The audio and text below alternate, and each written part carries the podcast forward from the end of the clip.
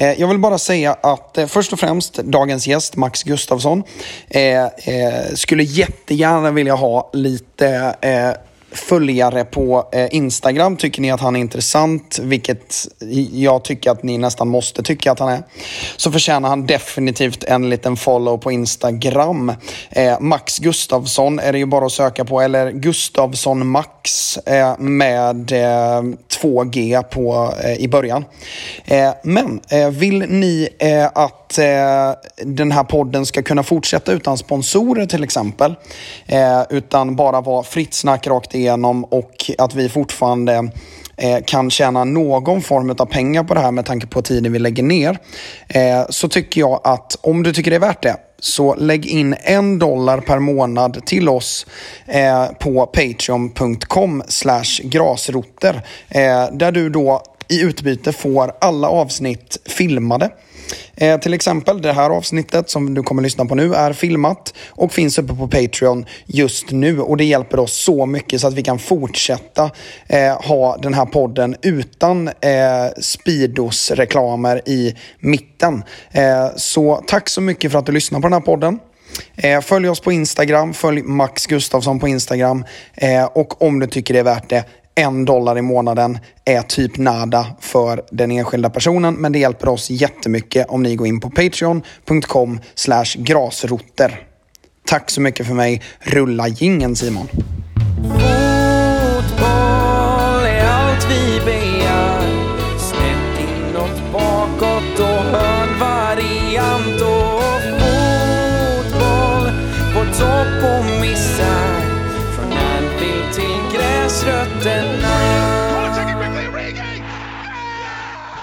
Bra, eh, då så hälsar vi lite välkomna till eh, Episod 5. Ett lite försenat Episod 5 ska sägas utav Gräsrötter Podcast. Eh, och för er info så är det här ett gästavsnitt. Eh, Joel är på semester i Spanien och det passade perfekt för det är ju landslagsuppehåll.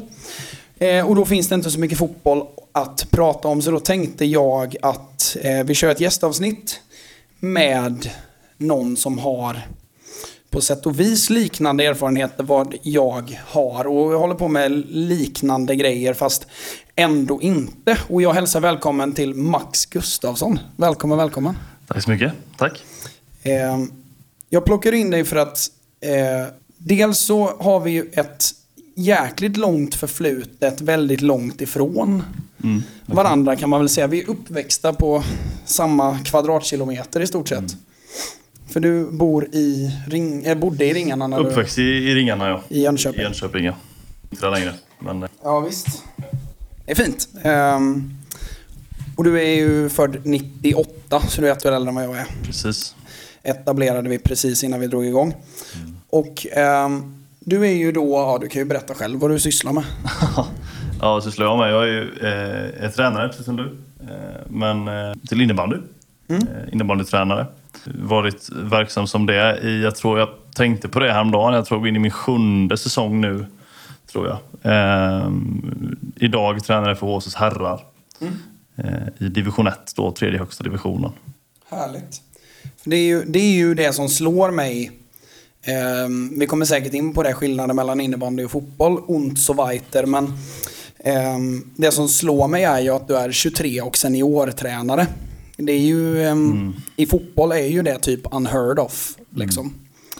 Mm. Ja, det är väl den yngsta måste väl vara uh, Nagelsmann va? I den, i, om man tittar på topp. Top. Ja, om du tittar i den absoluta toppen så är det nog så. Så måste det vara ändå vara han. Ja, eh, men så är det väl. Eh, vet inte hur många 23-åringar det är som är på den nivån jag är. Eh, men någonstans så kan man väl självklart se en, en skillnad i fotboll och innebandy. Eh, så, I antalet tränare och sådana där saker. Sen tror jag inte det kryllar av och de min ålder heller så. Ehm, men Nej, finns... men alltså även, även om man tittar. Alltså, jag tror att Hovslätt framförallt som förening har ju sedan ganska länge tillbaka använt sig av pensionerade spelare och eh, 15-åringar som tappar suget och sånt där och, och fösa in dem i ungdomsverksamheten mm. ganska så direkt. Mm. Eh, och så var det redan när jag spelade innebandy när jag var 13-14. Liksom, mm. Att man, man såg en och annan liksom, 17-åring där stå och coacha pojkar 08 liksom.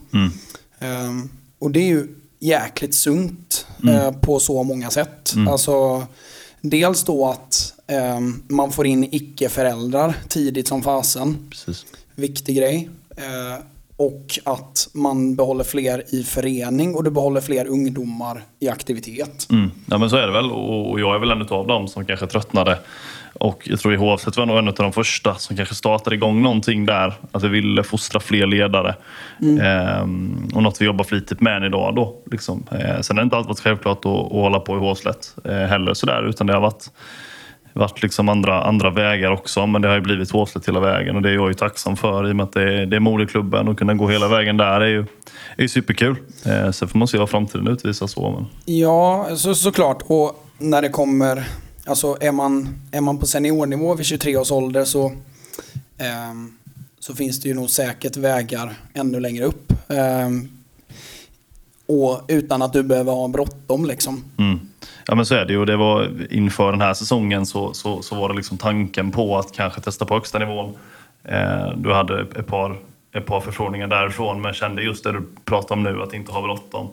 Eh, och, och som ledare så är det så viktigt att ha, att ha med sig det. Liksom. Absolut. Eh, att inte ha bråttom och att liksom ha kontroll över situationen. Och, och jag tror att jag mer har en inställning till att där jag är ska jag, ska jag känna att jag är vass. Liksom. Precis.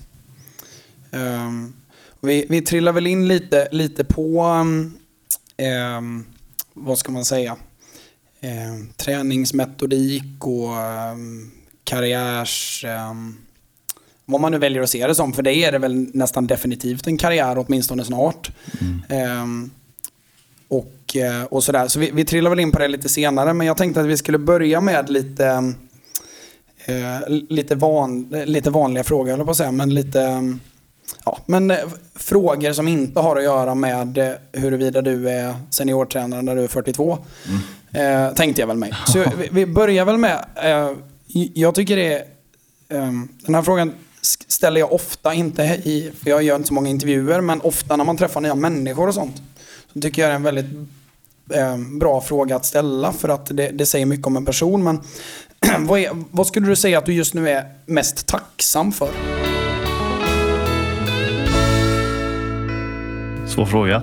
Den är ju Eh, svårdefinierad såklart. Men, eh, Eh, Men, men tacksam är jag nog över mycket. Liksom. Eh, Jag skulle känna att jag, jag har ett, ett, ett bra liv. Jag har, jag har bra uppväxt i bra familj. Jag har bra familj. Jag har bra familj nu. Eh, har en härlig sambo hemma som, som, är, som är viktig för mig. Och, och jag sysslar med saker som jag tycker är kul. Eh, Så, att, så att det är jag tacksam för också att jag får hålla på med det också. Liksom så. Absolut. Skitbra svar. Eh, hur fri känner du dig? Alltså sett till eh, din arbetsutövning eller dina studier? Eller alltså, känner du att du, du gör det du tycker är kul och att du känner dig fri i det du gör?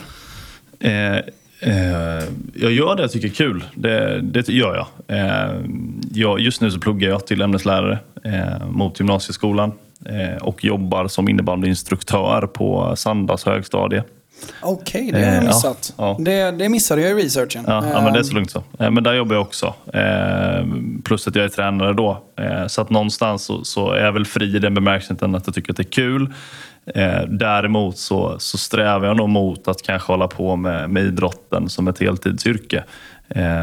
Och där är man ju inte riktigt än. Nej. Så att fri, men, men kan bli friare. Köper det. Hur påverkar, eh, för, för jag, är, jag tycker att vi är lika så sett att, men så här, jag har också en hel del grejer i mitt liv. Jag har fotbollen och jag har jobb och så har jag ju musik som jag håller på med en, en hel del, eller som, för den lilla tiden man har över. Eh, men jag tycker ju att när jag kör, som nu när det är högsäsong i fotboll och man rullar på, det är tre träningar i veckan och tre matcher i veckan som det är nu när det är när de valde att lägga dubbelserie på halvsäsong. Då känner jag ju att jag, jag har ingen ambition över för något annat. Känner du att du löser det? Alltså typ så här, men som studie till exempel. Och sen när man har, som Sanda då, plus att du då är herrtränare för HIK, känner du att du kan lägga ambition och strö ut det? Eller? Eh, jag, jag brukar säga att jag kanske lägger eh, 30-35 timmar i veckan plugg i veckan. Eh, 35-40 på innebandy. Helvete, Eh, ja. Där kanske lite ligger på sanda då. Så att, så att man hör ju att timmarna inte alltid går ihop. Eh, eh, sen har jag en väldigt, väldigt, väldigt förstående sambo eh, i den situationen som, som underlättade såklart. Eh, sen eh, känner jag som du säger att det blir liksom någonstans så är det någonting som inte blir första prio. Liksom. Eh, och där, där har väl plugget tagit stryk ett par gånger. Liksom, eh, utan att liksom bli, bli underkänd ligga efter så, utan mer att man när man sitter på en föreläsning så är det lätt att man glider in på, på matchanalysen en timme för tidigt. Liksom. Oj, vad många raster jag har suttit på, på jobbet och suttit med eh, tactical pad och Ja. grejer. Lätt hänt, lätt hänt. Men det är också liksom någonstans kanske charmen i det tycker jag. Just att vara, att vara på den nivå man är nu, där man kanske inte är heltidsanställd. Att, att man, man ställs verkligen mot att, att man behöver vara driven. Liksom. Man behöver Självklart. vilja väldigt mycket. Ehm, och det krävs mycket av en. Liksom. Ehm, framförallt då kanske som, som både du och jag är liksom unga. Där, där liksom, nu vet jag inte när du började bli tränare. Ja, men jag är Ehm, också på min sjunde säsong, men det var åtta år sedan jag började. Jag hade ett sabbatsår där Ja. när jag testade hur, hur bra jag kunde bli som fotbollsspelare. Mm. Och tyckte att tränarskapet, ja, jag, jag kände väl så här, ja, men jag började kanske lite väl tidigt. Nu börjar Mm. det ju gå riktigt bra i A-laget här i HIK och se om man kan nå liksom en Mm. SVFF ehm, eh, registrerad division liksom, Mm, eller mm. något. Ehm, Ja, precis, för det blir ju just det här när man är, när man är ung och börjar med det här. Eh, Mm. Så blir det som du säger, att man, är, man, är, man känner sig lite för i processen.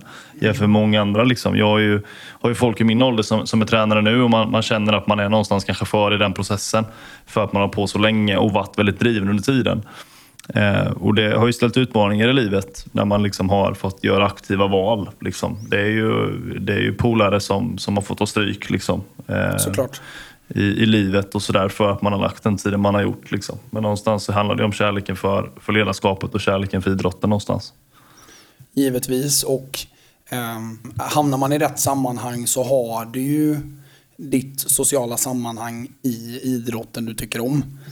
Ehm, och där är, det är ju skitviktigt. Att man, att man inte bara kör tunnelseende, jag, jag, jag, det här ska bli karriär. Utan att man också ser till att man har ett nätverk runt omkring sig. Framförallt när du satsat på att bli tränare. Mm, verkligen. Eh, För då är det ju så många aspekter som måste vara bortom dig. Mm. Att du har inte råd att inte vara polare med din ASS-tränare. Liksom.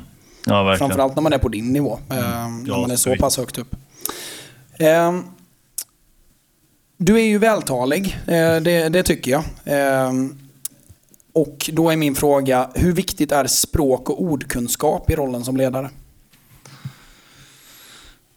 Superviktig, tror jag. Eh, jag, eh, jag har en teori i mitt, mitt ledarskap, eller i ledarskap generellt sett, att, att det handlar otroligt mycket om hur du säljer in saker eh, hos dina spelare. Eh, det är sällan det, jag tycker man tittar på tränare. Jag, alltså innebandyns värld, men kanske också i, i fotbollens värld. Kan man kan jämföra Pep och, och Klopp här. Liksom. Att jag Just tror det. inte att, att det hänger på vem som, har, vem som är smartast av dem. Liksom. Ehm, nu är jag en person som beundrar Pep i och med att han är den filosof han är och jag försöker vara den filosof jag är liksom, med, med nya influenser och sådär.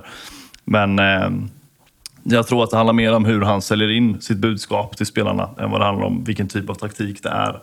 Eh, kanske framförallt i fotboll, hockey, basket, liksom, där taktiken har kommit sjukt långt fram. Eh, så tror jag mer det handlar om ett budskap gentemot vad du faktiskt har för taktik. Liksom. Sen är det klart att det formar laget och vilken taktik du ska forma till specifikt lag och specifika styrkor och sånt där. Eh, Men, och då är det jättemycket med liksom retorik och hur du liksom framför budskap och hur du liksom övertygar folk. Det är ju superviktigt och det har jag väl märkt genom åren tror jag. Liksom man, har, man har alltid man har ju testat sig fram. Liksom. Eh, Det är inte förrän kanske de senaste två åren som jag verkligen börjat plugga, mm, läst det på högskolenivå och liksom kunna fördjupa sig på den nivån. Och då har man fått testa sig fram liksom, mycket. Ja, och det är många tränare, framförallt i Sverige, som är lärare i grunden. Eh, jättemånga. Jan Andersson bland annat.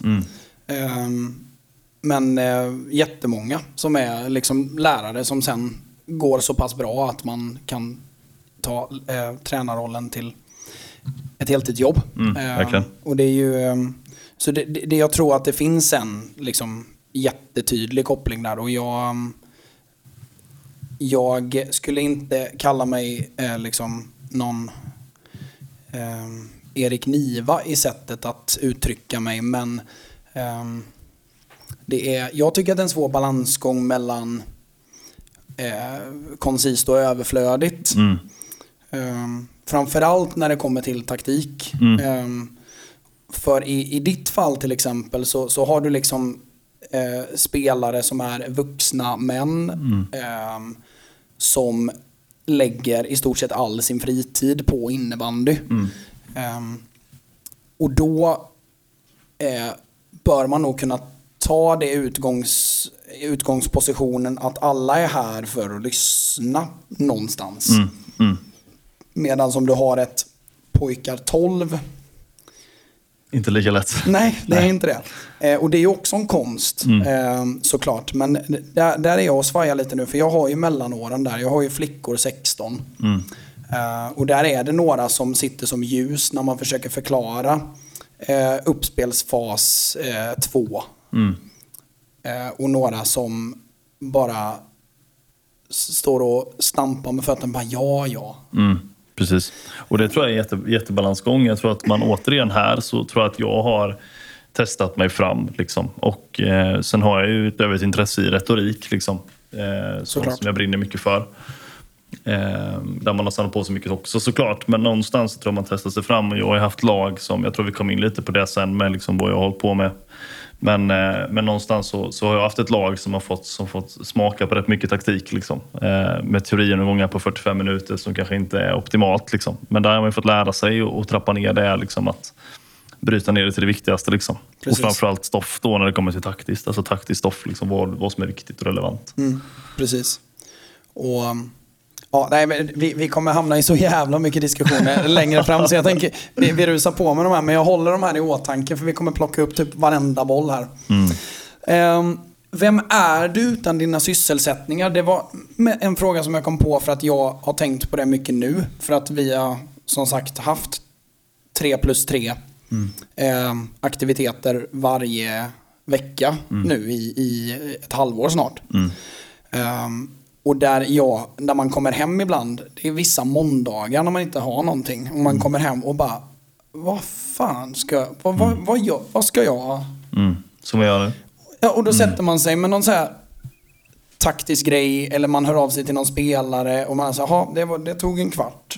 Nu då? Mm. Eh, Eh, vart hamnar du när du inte har innebandy att tänka på?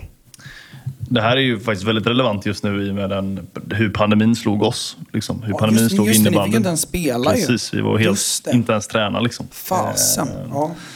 Så att, eh, det är en fråga, precis det du beskriver nu har jag ju liksom suttit i flertalet gånger liksom, i, eh, i tidigare, tidigare år och liksom varit helt, eh, helt tom liksom efter. Och det är samma sak, jag tycker det här kom, kom, alltså kommer in på hur man hanterar vinster slash förluster eh, som ledare och liksom hur man hanterar motgångar, hanterar klagomål, hanterar föräldrar. Och liksom. Det kom in mycket i sånt där också, men, men jag tror att när pandemin slog eh, och jag eh, från att gå från då, vad blir det? Det blir ju tre, fyra, fem, sex pass i veckan med Sanda då. Eh, plus eh, match på det, plus att man hänger i hallen eller sitter man på kontoret och, och klipper eller så sitter man hemma och klipper eller så. Mm.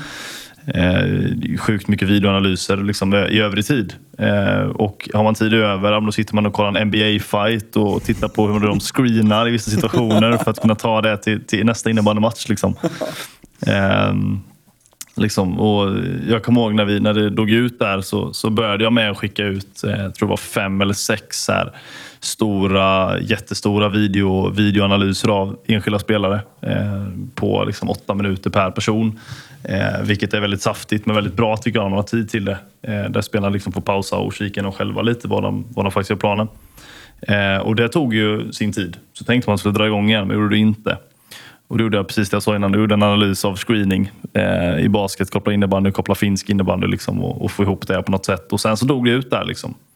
Eh, och man fastnade i liksom, vad, vad gör jag nu? Jag tror jag kollade på, på Vikings på typ en vecka. Liksom, så här, bara, bara, vad är det som händer? Eh, Ja, för det är ju min, det är min alarmklocka, det är när jag börjar kolla serier. mm, Då lägger, då, jag jag får ångest av att sätta igång en serie. Ja. För då känner jag, nu gör jag inte, nu gör jag, nu är det något fel. mm, nu, håller med helt. Delat den hela mitt liv. Eh, sen tror jag att man kommer in på liksom att nu det här senaste halvåret eh, så har jag ställt mig den frågan mycket. Liksom, vem man är utanför. Jag tror att jag är en person som, som är eh, föga nog. Om jag har folk som, som känner mig som lyssnar på det här och kanske inklusive dig så tror jag att jag är ganska introvert av mig. Eh, när det kommer till, till mitt privatliv eller till hur jag fungerar som människa. Liksom. Jag trivs ganska bra i att liksom, en fredagkväll och sitta hemma eh, Absolut för mig samma själv. Att, Nej, men det, och det, där är jag också, um, och precis som du pratar om att vänner har fått stryk och sådär, det, det kan jag också skriva under på. Um, framförallt om man ser till vilka man hängde med på gymnasiet och sådär. Det, är ju in, det är ju inte ett årtusende sen men eh, det ju, känns samtidigt otroligt distanserat ifrån ens vardag idag. Liksom. Ehm, och, Men jag tror att liksom hela, hela liksom grejen med att ha att vara en person utanför det här liksom, eh, tror jag är nyckeln till att vara bra på det man håller på med. Mm. Eh, att kunna vara, att kunna komma hem, stänga dörren och så stänger man tankarna också liksom, för en kväll. Där man spenderar liksom, tid med, med sambo, polare och vad det nu kan vara. Liksom, så tror jag det är superviktigt för att kunna ha återhämtning. tror jag är superviktigt. Liksom. Eh, men det, det, det är säkert en fråga vi kommer komma in på också, liksom, hur man jobbar med det. Men jag tror att utanför planen så är jag väl en person som, som har rätt höga ambitioner alltså, och liksom driven i mycket. Eh, sysselsättning, älskar att läsa. Eh, läser ja, sjukt mycket böcker. också nu. Ja.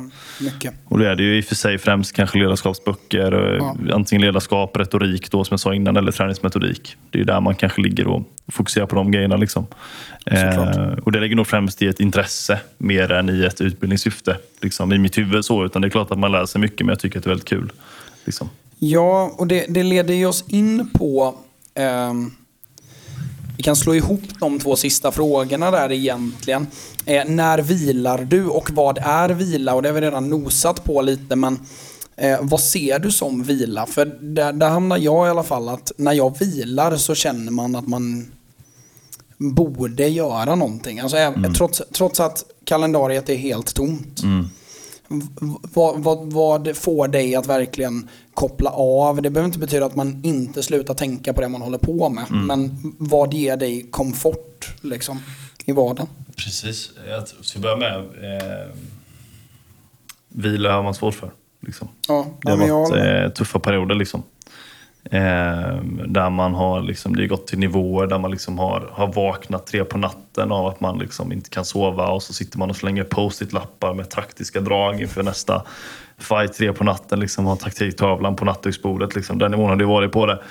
Och det eh, är ju inte bra. Liksom. Eh, Nej, det är ju inte det. Samtidigt som, som jag kanske är en person som, som förespråkar att man har varit i en sån fas liksom, som, som ledare. Men att man kanske någonstans också jobbar ifrån det. Nu är inte jag bäst i världen på att vila heller. Eh, utan har svårt att släppa saker och är en, en perfektionist tror jag. Eh, I mitt ledarskap. Liksom. Eh, och vill alltid göra saker bättre, både, både jag och laget. Liksom. Eh, och det får min, min assisterande tränare få ta lite stryk ibland. Så att det går och skickade klipp till honom vid typ halv ett på natten. Liksom. Eh, men eh, vila är superviktigt och jag tror att jag eh, har väl gått i en... Sambon har ju, har ju stöttat mig där det senaste liksom, i hur jag vilar och det har ju varit liksom, en utmaning för mig att, att sitta en, en kväll och, och kolla, kolla Idol och vara helt avkopplad. Liksom. Det, är, det är någonting som jag har fått lära mig. Liksom. Eh, samtidigt som aktiviteter är någon form av vila för mig tror jag. Liksom. Att få eh, åka iväg eller gå ut och äta eller sådana där saker. Liksom. just det. Det. Då blir det svårt för då hamnar man på Leris och så är det Liverpool-Norwich. Precis. Fan. Får försöka ta något annat istället. Liksom. Ja, men jag, tror, jag tror mycket på det. Och sen så liksom någonstans så, så behöver man ju ställa sig en fråga. Liksom, att det är klart att jag, du och jag inte kommer få ha återhämtningen man kanske alltid velat ha. Liksom. Eh, men någonstans så har man ju något annat i sikte. Liksom. Såklart. Eh, och den, den är jätteviktig för mig. Liksom, att, att jag har så många polare, man förstår den diskussionen så många gånger. Liksom, att man behöver lägga mindre tid på saker. Och jag håller med, eh, men samtidigt håller jag inte med. Liksom, för att hålla på med det här på det sättet man gör är en uppoffring. Liksom. eh, som man själv gör. Eh, sen behöver du skapa dig tid där du kan vila. Tycker alltid att man ska, ska avsluta en dag med att vila. Liksom, det har man lärt sig, att gå och lägga sig precis efter en analys, det, det blir inte bra. Ehm, utan hitta vila liksom, i sista timmen på en dag, sista två timmar, liksom, koppla av och bara, bara göra något annat. Liksom. Precis. Ja, absolut. Det är, vi är mycket på samma mynt än så länge i alla fall. Ehm, men eh, då går vi väl in till liksom lite mer eh, dig som eh, tränar lite mer djupgående. Men vi kan väl börja med din idrottsbakgrund. Och det jag har researchat mig fram till är att du spelade fotboll ett tag i alla fall. Mm, precis. Och för vi tränade ju lite tillsammans precis innan du rörde dig bort. Jag vet inte om du bytte klubb eller om du slutade. Men eh, ert sista år där med 98-laget så var jag uppe och lirade med er ett par mm. gånger. Eh, och sen löstes ni upp och då var det bara typ en som följde med ner till oss. Mm. Och resten splittades upp mm. och gick till andra klubbar eller slutade. Mm. mm. Eh, men innebandy spelade du fram till typ du var 15? Eller? Eh, jag kan dra det från början av fotbollen också. Då. Vi spelade, jag spelade fotboll som sagt i Håslet fram tills jag var, jag tror jag var 13. Ja. När jag slutade i Håslet gick jag till Mariebo eh, okay. i en säsong. Eh, och där var man lite i valet och kvalet. För den här vevan så spelade innebandy också. Och då bytte jag till GIK när jag var 12 år, tror jag. Eh, mm. För att satsa på innebandy då. Eh, vårt lag i Håslet var väl inte superbra. Eh, 97orna och 99orna var, var ju bättre än vad 98orna var. Mm. Där spelade 97orna en del och sen så funkade inte det riktigt eh, med policyn och sådär i, i Håslet på den tiden. Det var ju många år sedan nu. Man känner ju sig nästan som att man är gammal fast man är tokung fortfarande. Ja, absolut. Eh, men det är ändå nästan en tio år sedan liksom. Eh, och då gick jag över till GIK och då valde jag Mariebo eh, i fotbollen. Jag var ju lite fundersam på att ta Södra där med. Eh, sen hade jag ju åkt med huvudet ut därifrån efter något år säkert. Liksom. Men, eh, men eh, då, då körde jag en säsong i Mariebo. Sen så eh, slutade jag och körde bara innebandy efter det. Då.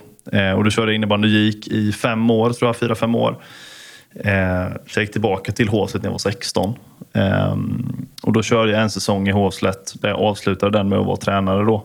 Ah, ja. eh, och då var det liksom, det var, jag kommer aldrig glömma det när jag satt i idrottshuset där och pratade med Stefan Knutas som är ordförande i Håslet ja. idag. Eh, Välkänd herre i, eh, i Håslet-sammanhang. Ja, precis. Eh, satt och pratade om eh, om hur, vi, hur man kunde utveckla Håslet och hur man kunde innebandymässigt. Och då sa han liksom att ah, men, bli tränare, liksom, kom med, med oss. Vi har cup nästa helg. Så var med där och så på den vägen var det. Eh, första året som tränare helt, då året efter så, eh, så körde jag lite eh, både och. Var bara tränare första halvåret, sen spelade jag andra halvan. Året efter det så körde man lite division 4 och lite sådär. Liksom, mest tre, fyra matcher på en säsong bara. Liksom. Eh, så sen var det liksom bara fokus på tränare. Mm. Egentligen liksom. Och det tror jag grundade sig i, ja, det finns ju en klyscha i att alla tränare slutar för att man varit för dålig på att spela själv i den åldern. Liksom. eh, och någonstans så får man hålla med. Sen var inte jag allt för dålig på innebandy. Eh, Nej, för jag minns dig så ganska bra de få gångerna som jag hann se dig spela. Så minns jag att det var ju definitivt du som stack ut i ert 98-lag vad jag minns i alla fall. Ja, men, ja, men så var det nog. Det var då jag tillsammans med två till, mm. eh, tror jag, eh, som stack ut lite. Och vi gick ju till gick alla tre sen. Eh, sen tror jag att jag, jag har alltid sett, även om det inte är på någon hög nivå här när vi pratar, men jag har alltid sett mig själv som en spelare som kanske har varit mer smart än vad jag har varit löpstark. Liksom. Eh, på den nivån, inte skjutit jättehårt men skjutit bra. Eh, mm. Inte sprungit mycket men sprungit smart. Liksom. Eh, och, och, det är väl det som kanske någonstans ligger grunden till att jag är tränare idag. Mm. Eh, jag snöar in mig rätt mycket på liksom, att, att vara ledare. Och sista åren jag spelade där så var jag kapten och, och höll i träningar med, med det 98-laget då. Sista året när jag var 16 där, då var vi rätt många som kom tillbaka. Både mm. från hockey och, och innebandy, eller innebandy från JIK och sådär som kom tillbaka då liksom för att göra ett, ett roligt race. Liksom. Och då hade vi superkul. Ehm, och då höll jag ju mycket träningar och var kapten och liksom, då föll man in lite på det spåret någonstans. Mm. Ehm, och sen så tränade jag där då, så jag var tränare i det började med HCs 01 en halv säsong typ. Det var inte riktigt igång sådär skulle inte jag säga. Eh, och sen HCs 00 ett år. Sen var jag den här, här juniorverksamheten i tre år egentligen. I 01 främst och 00 då, men också 99 lite. Eh, I tre år. Där vi avslutade den resan med att vinna SM-guld då. Med Ja, det. P01 Just där. det.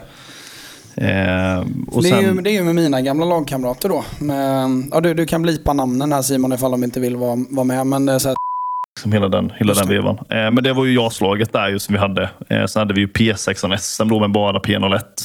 Eh, där vi vann SM-guld då med P01.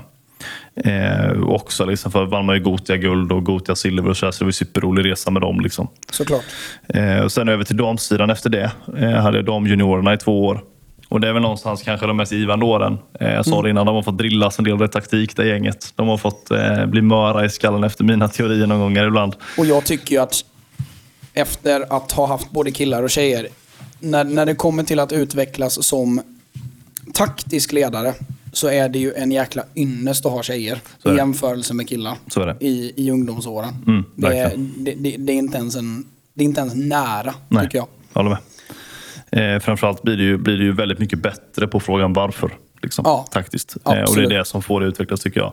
Men där hade jag superkul de två åren. Vi vann ju jättemycket också. Eh, både Gothia Cup och, och eh, silver i Gothia Cup. Och vann Fairplay som är Smålands största cup. Och liksom, sen så avslutade den resan 2020 nu då med ett SM, inofficiellt SM-silver ska man säga. I och med att det var eh, corona och allt vad det hette. Eh, och sen var det damlaget året efter det, ju förra året i damallsvenskan, då näst högsta serien. Och inför det här året så var väl lite sådär, det var väl lite snack om att jag inte skulle vara kvar, men det, men det var jag.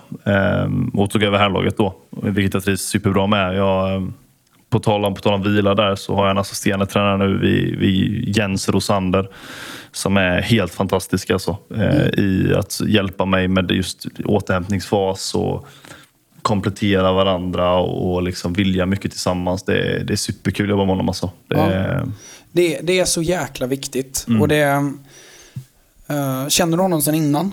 Nej, Nej. ingenting. Okej. Sen var vi liksom i en fas, i och med att jag var klar före honom, så var vi i rekryteringsfas. Mm. Jag vet ju vem han är. Liksom. Så att jag var tidig med att säga att han vill jag prata med. Liksom. Mm. Ehm, och Sportcupen var ganska inbjudande i den diskussionen liksom, i Håslet då. Ehm, så vi, man kan ju säga att jag inte kände honom, men jag visste ändå lite vad han skulle gå för. Vad han var för typ av människa. Liksom. Vi, Mm. Samtidigt som vi kompletterar varandra otroligt bra som människor också, liksom, eh, så har vi otroligt kul ihop. Liksom. Fan vad Eh, roligt. Ja, verkligen. Det är ju, jag rekryterade ju inte så eh, seriöst, men eh, min, alltså bokstavligt talat min lillebrorsas kompis. Mm. Eh, Otto då, som vi har nämnt många gånger här i, här i podcasten. Hon kommer väl förmodligen vara med någon gång också. Eh, men eh, där var det ju liksom egentligen bara eh, Dels så har ju inte jag kunnat lägga någon fokus på målvakter. Mm. Eh, och det har ju varit vår absolut största brist. Inte att våra målvakter inte har varit bra, men att de inte har fått uppmärksamheten de förtjänar. Mm. Eh, träningsmässigt. Och då fick jag precis veta att han ehm, slutade i A-laget i, i HIK. Och då var jag så ja men vill du komma in som målvaktstränare? Och sen så har jag bara vuxit in i att det är vi två nu. Mm.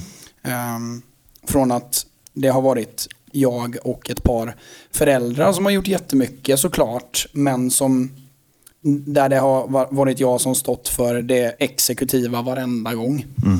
Eh, och att vi nu har ett, en, en, ehm, ett kanonsamarbete. Eh, sen är ju inte han utbildad, han, han har ingen Uefa Advanced utbildning liksom. Men, men ehm, jag tycker att det måste bottna någonstans att man trivs ihop Mm. på något sätt. Mm.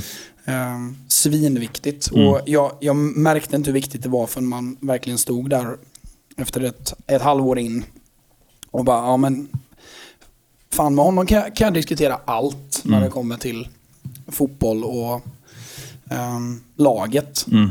Ehm, Ja, men det är superintressant. Och det, det, det, är ju, det är ju grejen med Jens där, till exempel att vi, vi brinner för olika saker. Eh, där jag brinner otroligt mycket för taktiska grejer och han brinner otroligt mycket för att få ut max av en grupp. Liksom. gruppdynamik och... Eh, ja, där är han superduktig. Så vi är ju kanske inte inne på det här med att man pratar taktik supermycket. Liksom. Eh, sen, sen blir det ju den, den del som behövs. Liksom. Eh, där jag måste dela med mig av saker och analyser som han behöver ha koll på. Liksom, och, och sådär. Eh, och han kommer ju självklart med idéer och tankar. Är smart, han är smart kille Jens. Liksom. Eh, Men eh, det funkar superbra ändå. Liksom. Sen, sen såklart att, att, att jobba med någon så här, någonstans, liksom peppar teta duon liksom, att sitta och, och prata fotboll eller innebandy länge, länge, länge. Liksom, det, det är ju också hade ju varit superkul liksom, att testa på en sån grej liksom, också såklart. Absolut, och ju, ju högre upp man kommer desto större stab kan man ju ha. Mm. Um, ja men precis. Tittar man på de allra största klubbarna så är det ju liksom um, den här gormgubben, fatta mig rätt, mm. um, som ofta finns i, alltså även ganska högt upp mm. i, i alla sporter, att det är en huvudtränare som är eh, the mind och sen så är det en kille eller tjej bredvid som eh, egentligen bara är motivatör på något sätt. Mm. Eh, och det försvinner ju mer och mer ju högre upp man kommer, i min upplevelse i alla fall, eftersom mm. att sällan behövs det på elitnivå någon som bara kommer in och gormar lite i omklädningsrummet. För då har mm. du en lagkapten som heter Vincent Company. Eller mm. så har du en lagkapten som heter Michael Carrick eller vem det nu kan än vara. Precis. Um, det, det finns ju inte, det är inte givet i alla lag i precis under elitverksamhet. Nej. Um, Nej, men det, och det, så det kommer liksom... väl ju högre upp man kommer. Ja, men så är det ju. Eh, och, och någonstans så är ju Jens, som jag sa innan, en otroligt smart människa. Liksom. Det, det är mer än bara en, en gormagubbe. Liksom. Ja. Vi bollar ju verkligen otroligt roliga tankar och, och har, har en samsyn på hur vi ska spela innebandy. Eh, och, eh, jag tror att jag och Jens är, eh, är en, en det känns som en perfect match liksom, i, i att leda ett lag. Liksom. Så det känns, alltså det är superkul verkligen. Jag trivs superbra.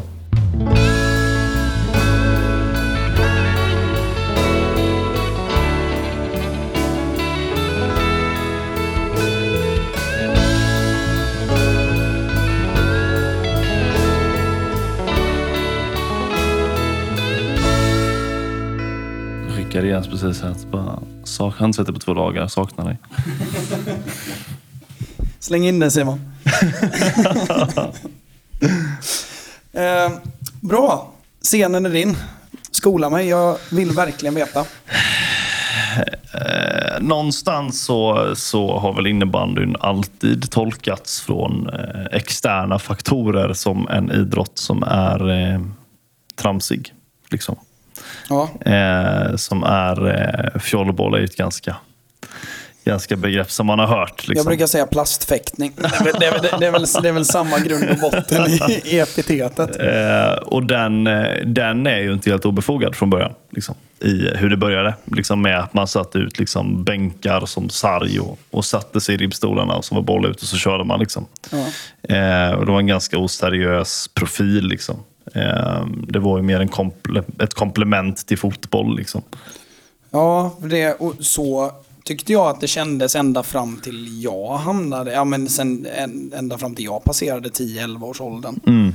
Det är inte jättelänge sedan. Nej, men jag tror att någonstans kanske på 2000, eh, dålig på år här nu i och med att jag inte var med aktiv på det sättet. Liksom. Men kanske 2004, 2005 någonstans där så började det väl ta en, en skiftning liksom. Eh, mot att bli mer och mer seriöst. Tidigare än så i och för sig måste det vara, men, men i alla fall på 2000-talet någon gång. Eh, och har verkligen, verkligen, verkligen växt sen dess. Liksom. Ja, det, ehm. det, måste väl vara Sveriges största inomhussport? Ja, det är Sveriges näst största sport. Eh, fotboll ja, det är, den enda ja. som är större än innebandy eh, i antalet utövare. Då. Eh, så det är ju superstort. Liksom det är ju, idag är det ju en, en, en otrolig sport. Eh, och tittar man liksom på hur det såg ut förr liksom med, med taktiska grejer så, så har det ju utvecklats något enormt. Liksom. I början var det ju mer liksom, eh, korta, korta riktlinjer. Liksom. Det, Innebandyn har ju varit en sport som har liksom spelat försvarsspel, punkt. Liksom. Sen anfallsspel har varit väldigt diffust liksom, ofta. Eh, där man har tagit kliv genom åren och, och, idag så, så är det en sport som är otroligt fysisk. Eh, men också liksom beslutsamheten är jätteviktig. Och liksom hur man, alltså direktiven är ju jätteviktiga också. Liksom och, ja, men idag så skulle jag ändå klassa det som en väldigt taktisk sport även om jag tycker att den ska vara ännu mer taktisk. För jag skulle ändå säga att det är en av de mest tekniska sporterna vi har eh, i världen. Liksom, kopplat ja, till yta och liksom. Absolut. Mm. Det... Alltså bara tillägga att det du kan göra med en innebandyboll tror inte jag att du kan göra med en hockeypuck. Liksom, Nej, nej, nej visst, liksom, absolut. tekniken. Det finns ju mycket mer vägar att ta och det är ju... ehm, alltså bara en sån grej som... Jag slutade spela innebandy när jag gick... När jag slutade sjuan. Mm.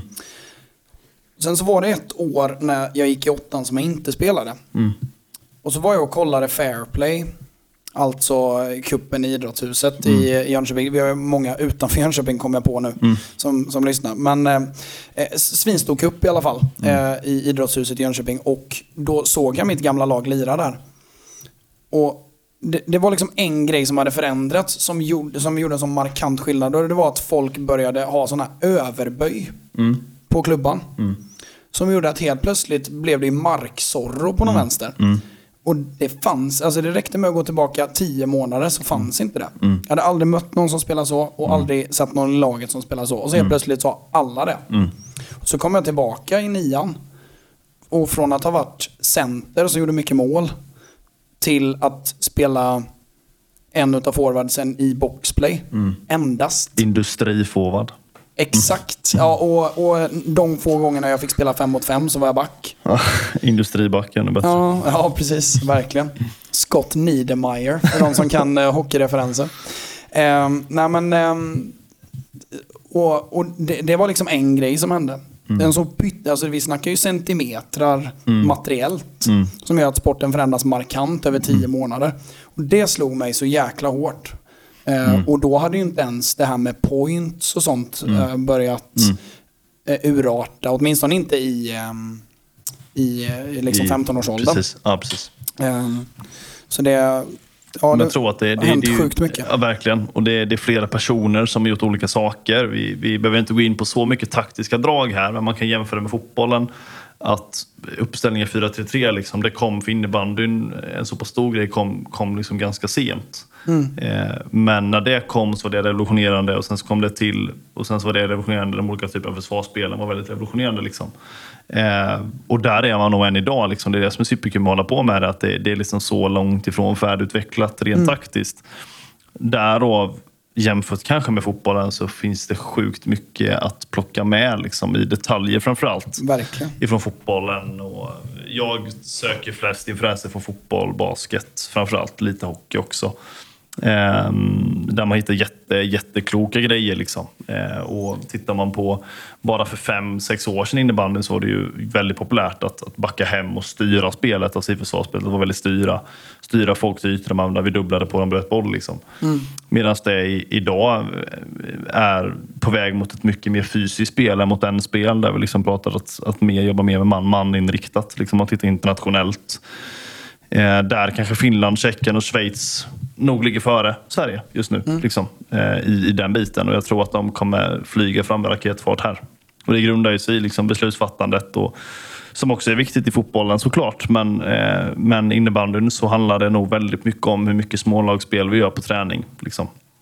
Om man går in på träningsmetodiken. Liksom det här med myelinsubstansen och liksom, eh, hur du jobbar med spelträning. och de här, det här dynam, vet du, eh, dynamiska systemteorin i träningslära, i motoriskt lärande. Att få, liksom, få folk att uppleva rörelser, uppleva beslut själva. Liksom. Eh, det tror jag är superviktigt och det jobbar jag ju Guiding mycket med. Discovery. Precis. Eh, sen finns det ju finns det ju grejer med, med, med generella motorprogramsteorin. Alltså att man lär folk grejer är, ju bra också. Liksom. Ja. Vi kanske pratar om hur man lägger upp taktik och sådär lite senare. Men på träningar, om man tittar på ett praktexempel från fotbollen liksom, som jag tycker är så en härlig grej, är ju liksom scanning. Alltså hur De Bruyne och Pirlo och de här har jobbat med sin blick liksom, som mittfältare. Ehm, och, hur, och när du ska göra det som, som De Bruyne som är, så jag tycker är klockren i. Liksom, att så fort Ja. han hans medspelare tar en touch, då är blicken uppe liksom. Eh, och kollar och sen så tittar han tillbaka när spelaren börjar ta emot bollen igen för att vara redo för att få den på en touch. Liksom. Eh, Och därtill så är han ju, för där, där är ju många eh, utav de allra bästa idag. Mm. Skillnaden tycker jag i just De Bruynes fall är ju att han är så fruktansvärt funktionell. Ja, verkligen. Det, det är ingen, han gör ingenting som han inte måste göra. Mm. När det kommer till första touch, tekniks, tekniska nummer, Mm. eh, längre bollar, und so weiter, und so weiter. Mm.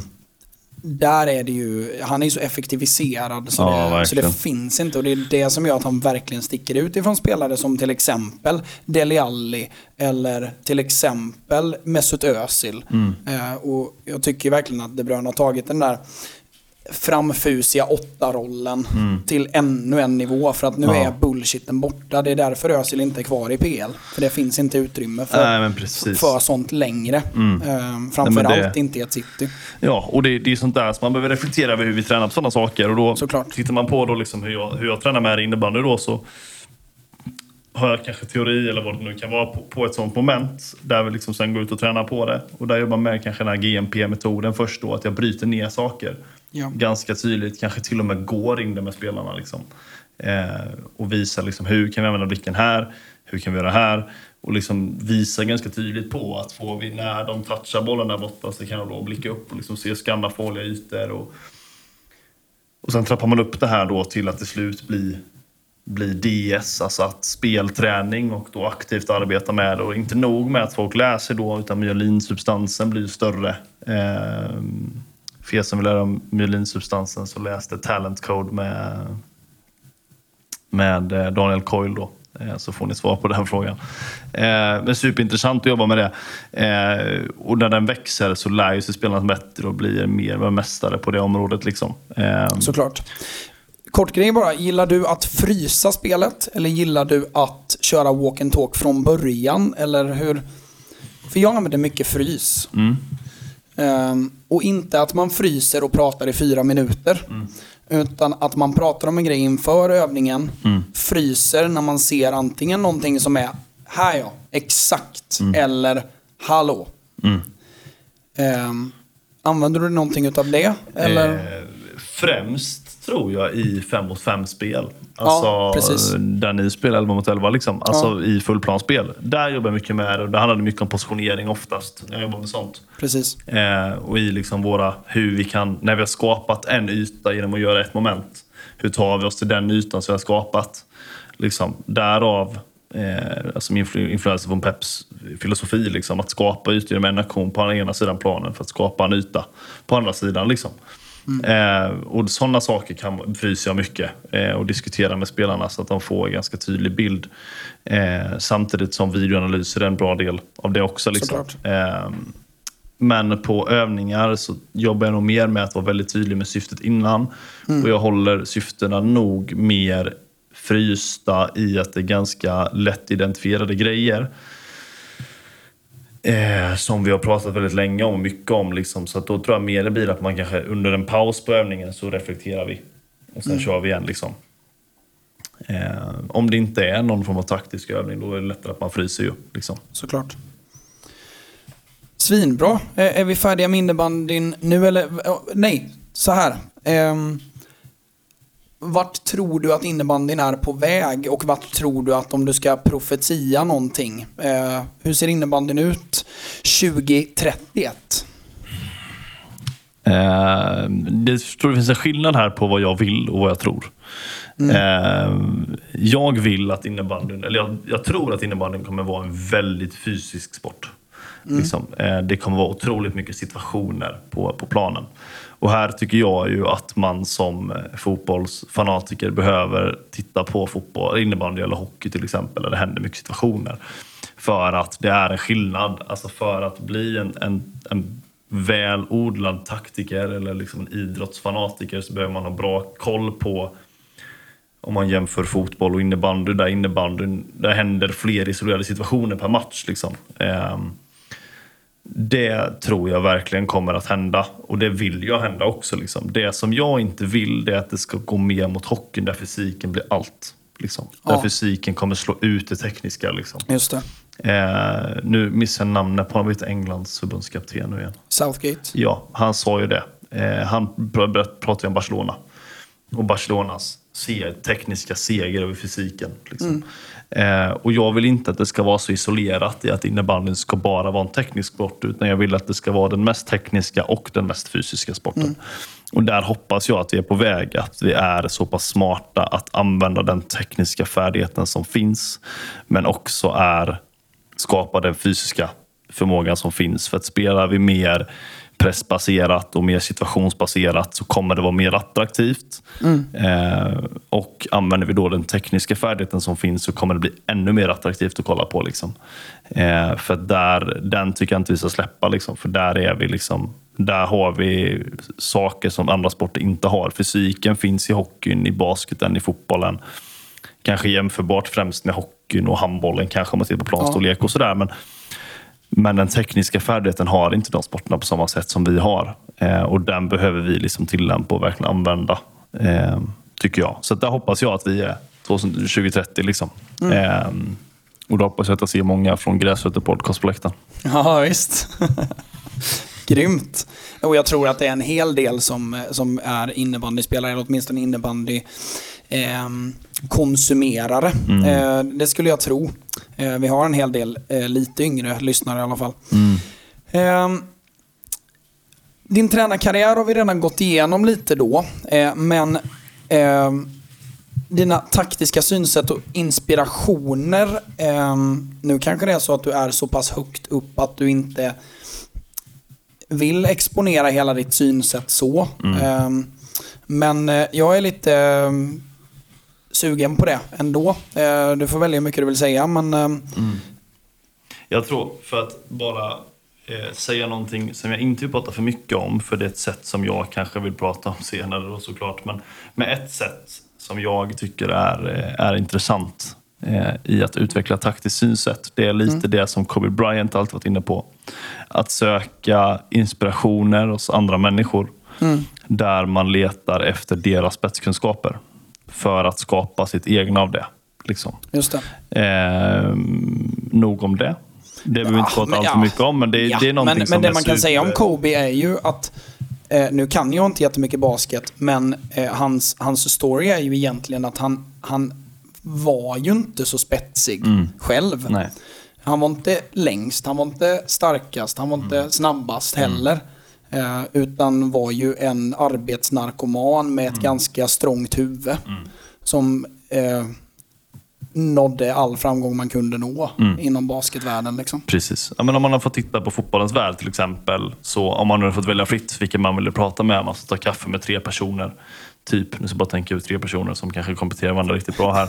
Eh, men någonstans så kanske jag hade velat se mig själv i en diskussion med, med Nagelsmann till exempel. Ja. Om hans, eh, framförallt hans, hans generella taktiska kunskap. Liksom, I att, eh, om jag miss, inte misstar mig här, så var han en bloggare från början.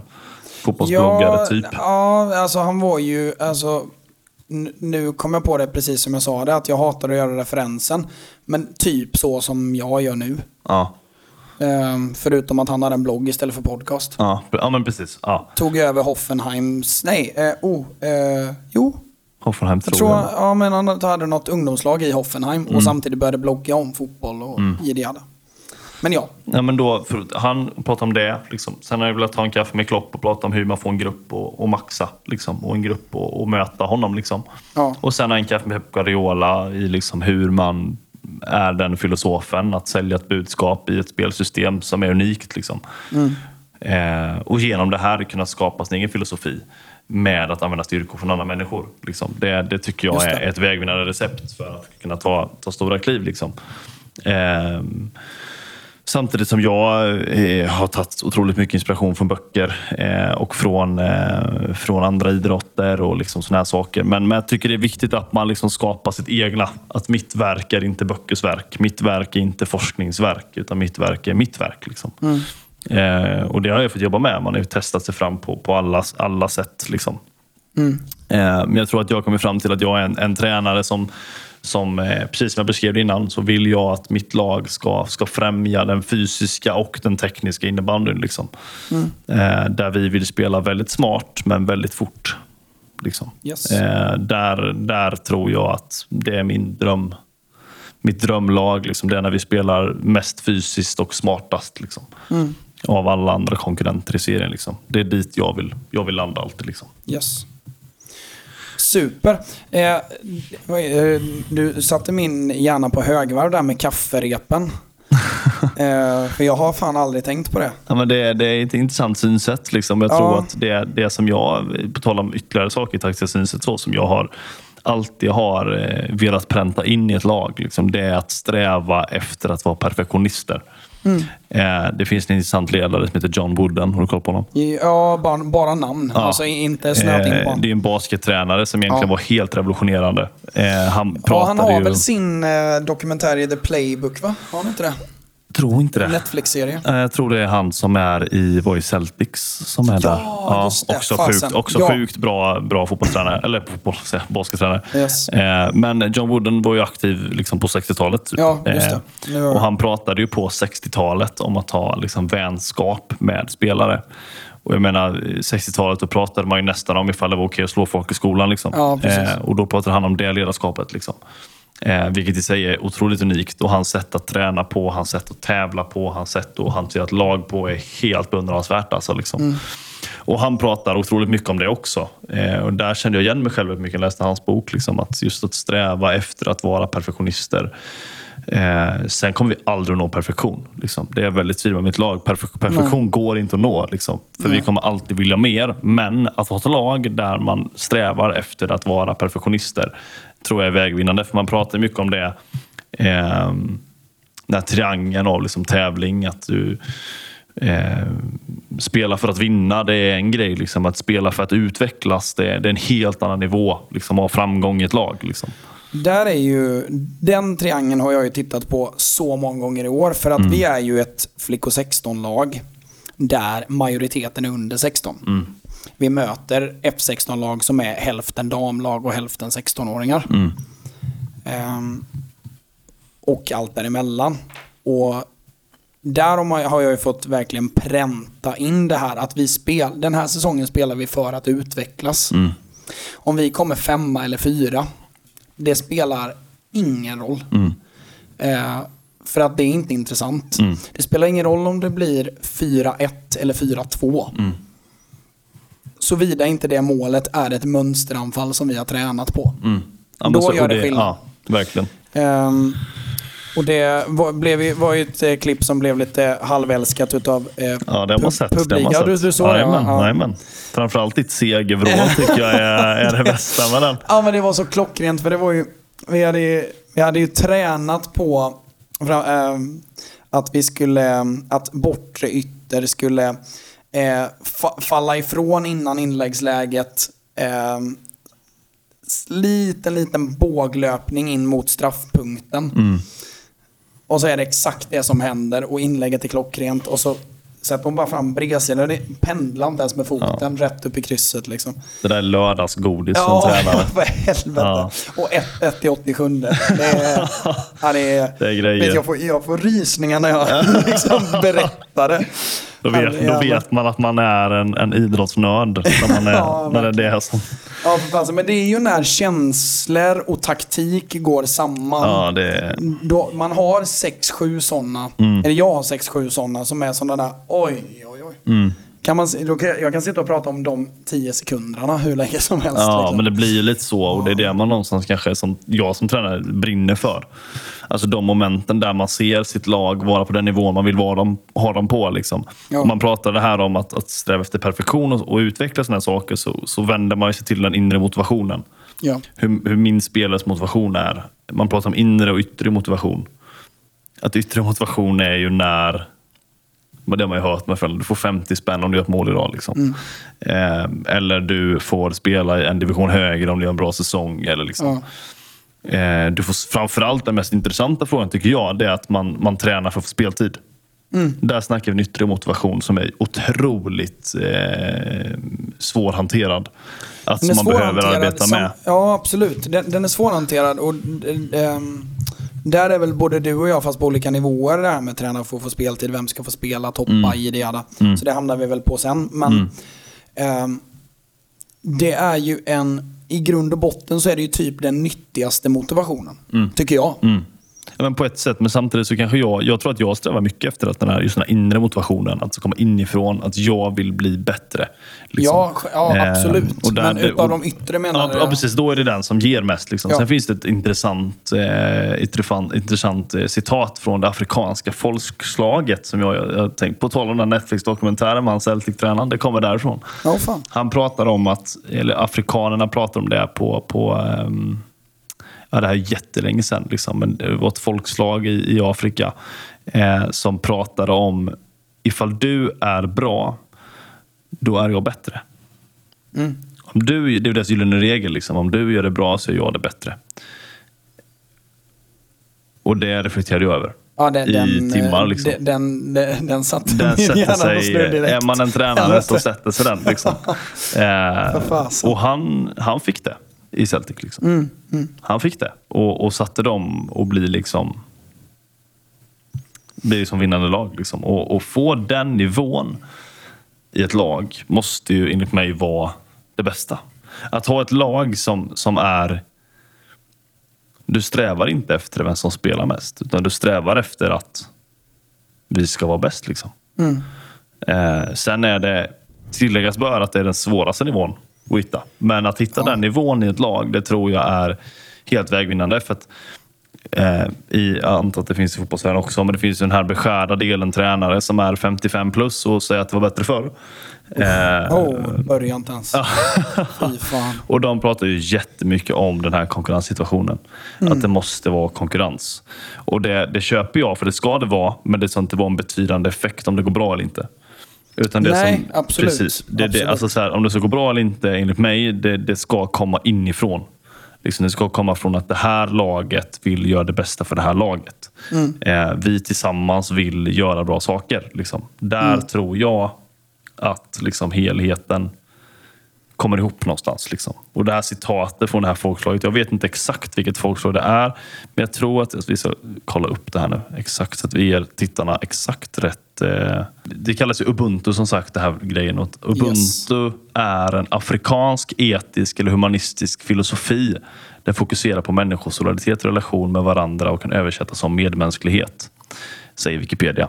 Eh, tilläggas är inte jag som har det i huvudet. Men det är jätteintressant tycker jag att jobba med just det. Att om du gör det bra, då gör jag det bättre. Ja. Eh, och få ett lag att sträva efter den nivån.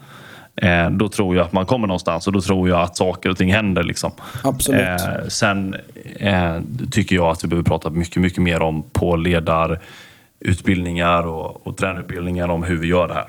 Liksom. Absolut, det, det var det jag tyckte för jag har ju, jag har ju stått och väntat på att få gå Uefas utbildningar sen pandemin drog igång i stort sett.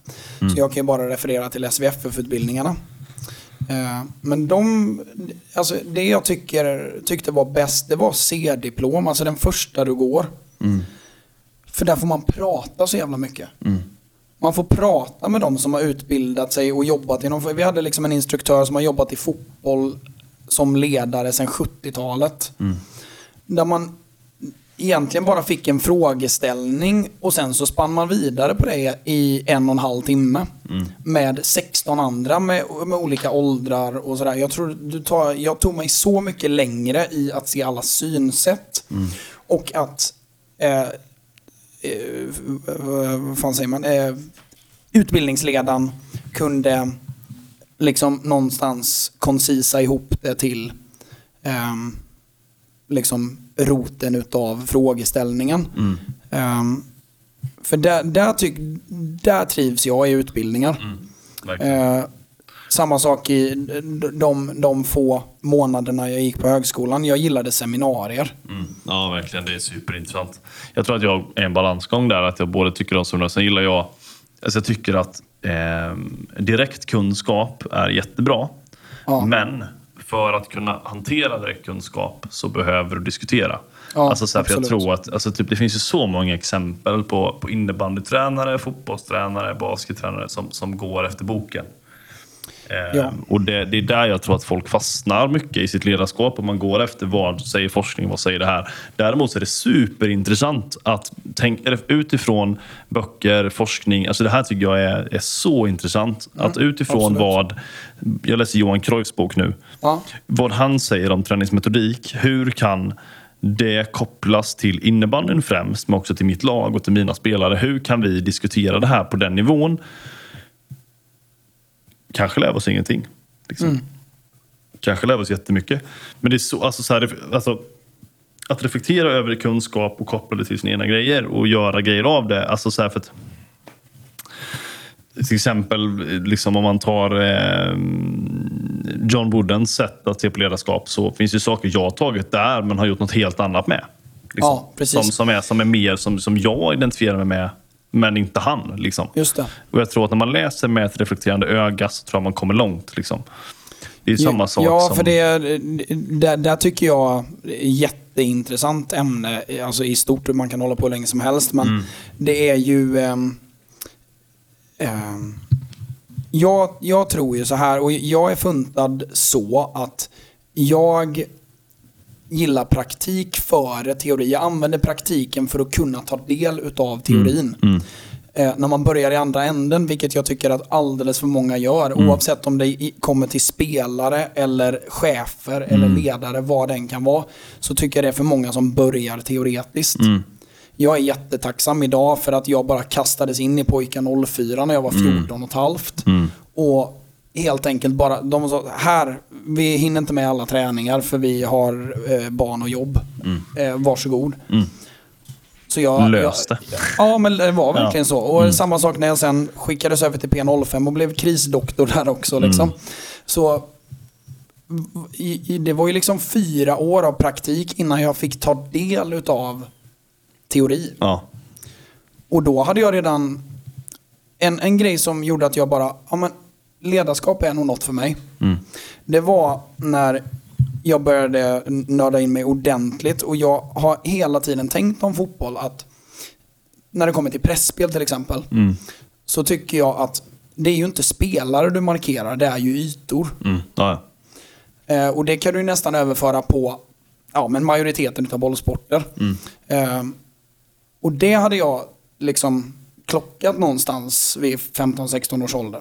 Och sen kom jag till eh, pressspel i teorin och där trillade den ju in under Pep och, och Cruyffs tänk. Och Mark Bielsas också. Och där det klockade och det stod ordagrant det jag hade sagt till spelare tre år tidigare utan att veta om det. Då var det en sån klocka som bara ringde i mig och bara Fan det här är något för mig. Det här... Och, Men det, och det är så intressant att Verkligen. liksom kunna...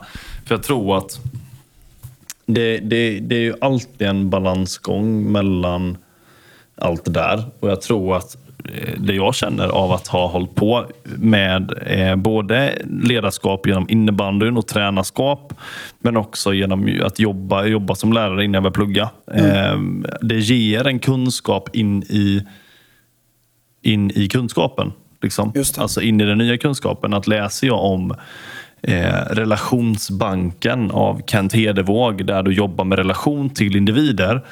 Eh, alltså det han pratar om det är att om du, man sätter in i en bank eh, genom att prata med en elev eller spelare om någonting som för dig är helt ointressant men för spelaren eller för eleven så är det jätteintressant. Ja. Så sparar du, då får du in en viss typ av respekt inne sen i teorisal eller på plan eller i klassrummet. Liksom.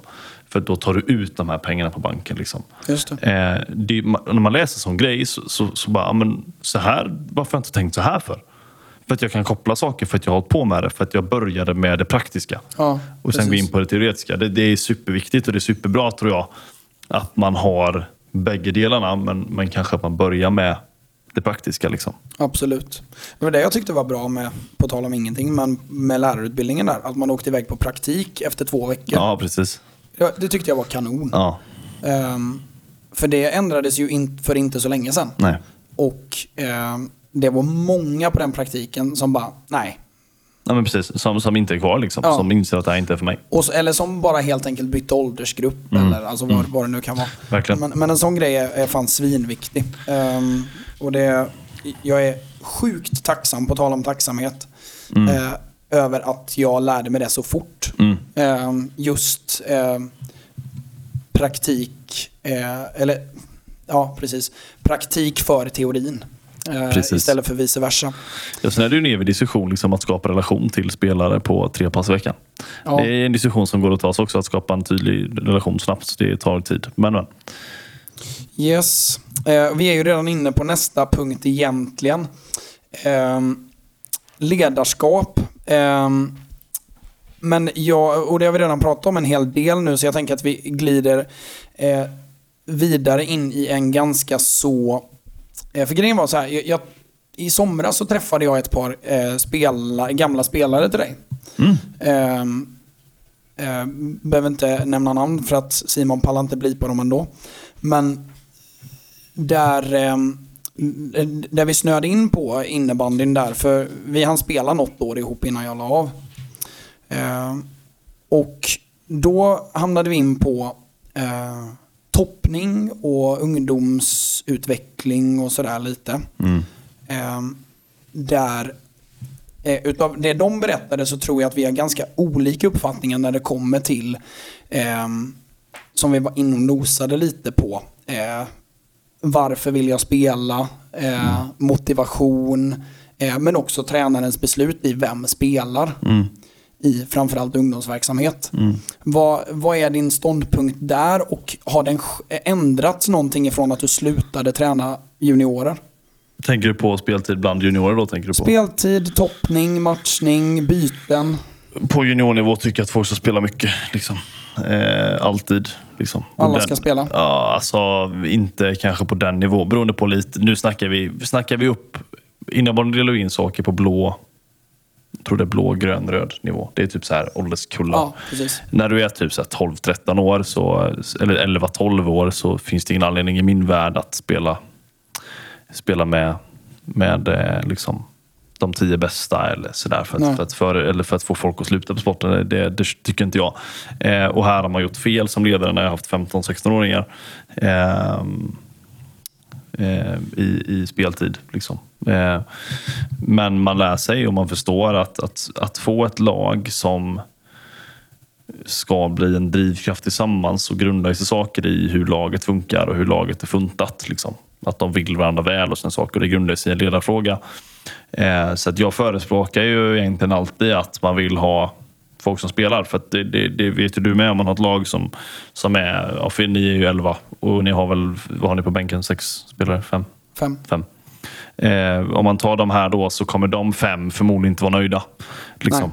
Eh, och Absolut. Jag då, hade diskussion senast för två och en halv timme sedan. ja, precis. Gällande just det. Ja. Och jag tänker så här då, om du hade haft ett lag där du hade 11 skitbra spelare och du hade fem spelare på bänken som visste att de är här för att hoppa in Mm. och de vet att de kommer göra det bra när de hoppar in och de kommer hoppa in. Mm. Det går inte att ha ett bättre lag. Nej, precis. Alltså om jag har ett lag, eller för det är lättare för mig att säga, för jag har ju, innebandy jobbar man mycket med att man spelar med 3-5 ju. ja. Eh, om jag har 16 spelare så är en spelare som alltså inte är med, som är utanför truppen. Och det finns en jättefin grej där vid konkurrens och allt sånt här. Men om jag då har 15 spelare som aldrig är skadade, som alltid spelar, som alltid är med hela säsongen, som är otroligt drivna, som vill utvecklas, som vill varandra väl, som har ubuntu mindset, som har det här spela för att utvecklas mindset. Det går inte att ha ett bättre lag. Nej. Det går inte att vara, alltså då, ingenting kan stoppa oss då, enligt mig. För att då har vi en inre drivkraft hos varenda spelare. Liksom. Sen finns det såklart som, alltså styrkor i en 16 spelare som kan komma in och göra skillnad. Alltså, du förstår vad jag menar. Men där tror jag att jag landar till och med på seniornivå. Liksom. Eh, sen, sen tror jag att man alltid landar i att man har 17-18 bra spelare som är bra på olika saker, som ger styrkor till varandra. Konkurrenssituationen är viktig. Den behövs. Liksom. Eh, Och där har ju du ett ganska angenämt problem, eller vad man ska säga, i jämförelse med fotboll om man ska dra parallellerna här. För jag tror att vi kommer börja dra ett par Mm, nu eh, as we go. Men där har du ju tre femmor och tre femmor, vad kör ni, 50 sekunders byten? Ja, typ. Det Ja. blir olika. Men 15, Ja. 50 säger vi. Säg runt minuten, bara för att göra det enkelt. Ehm, så är det, det känns som att eh, ehm, ni spelar Call of Duty och jag spelar eh, krigssimulator. Mm, exakt. det är så här, du får nytt liv nästa runda på ett helt annat sätt än vad det blir på en fotbollsplan. Mm. Det jag kontrar med då är ju att jag tycker att slutelvan är ju precis lika viktig som startelvan. Ja, exakt. Så man får ju använda retoriska grejer som såklart grundar sig i sanning. Mm. Men eh, för mig så blir det ofta svårt att sälja in en bänkplats Mm. Eh, till en spelare. Eh, framförallt som man är ett lag där alla inte tänker bli proffs. Mm. Ehm, Verkligen.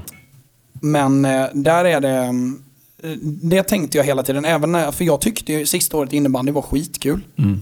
Trots att jag, jag spelade boxplay och täckte skott. Alltså Mm. det var på riktigt det enda jag gjorde. Det var, jag, hade, jag hade precis slutat spela hockey så att plocka en bandyboll på låret, det var ingenting. Mm. Nej. Mm. Det var hur gött som helst. Och så var det många som... Ja, vi hade ju ett problem med att folk inte vågade täcka skott. Mm. Och jag gick in och täckte skott. Och sen så var det back i tredje linan. Mm. Men jag tyckte det var skitkul. Mm. För var fjärde minut så var det min tur. Mm. Liksom. Mm. Ehm, men att bli bänkad och inbytt i 75 i fotboll. Trots att jag spelade i A-laget i HIK, det var mycket mer seriöst. Det tyckte jag var tuffare. Mm. Ehm, Och det är ju liksom, det är ju, alltså eh, som tränare så tycker jag, jag vet inte om du delar åsikten, så är typ det tråkigaste med det här jobbet är ju att göra folk besvikna.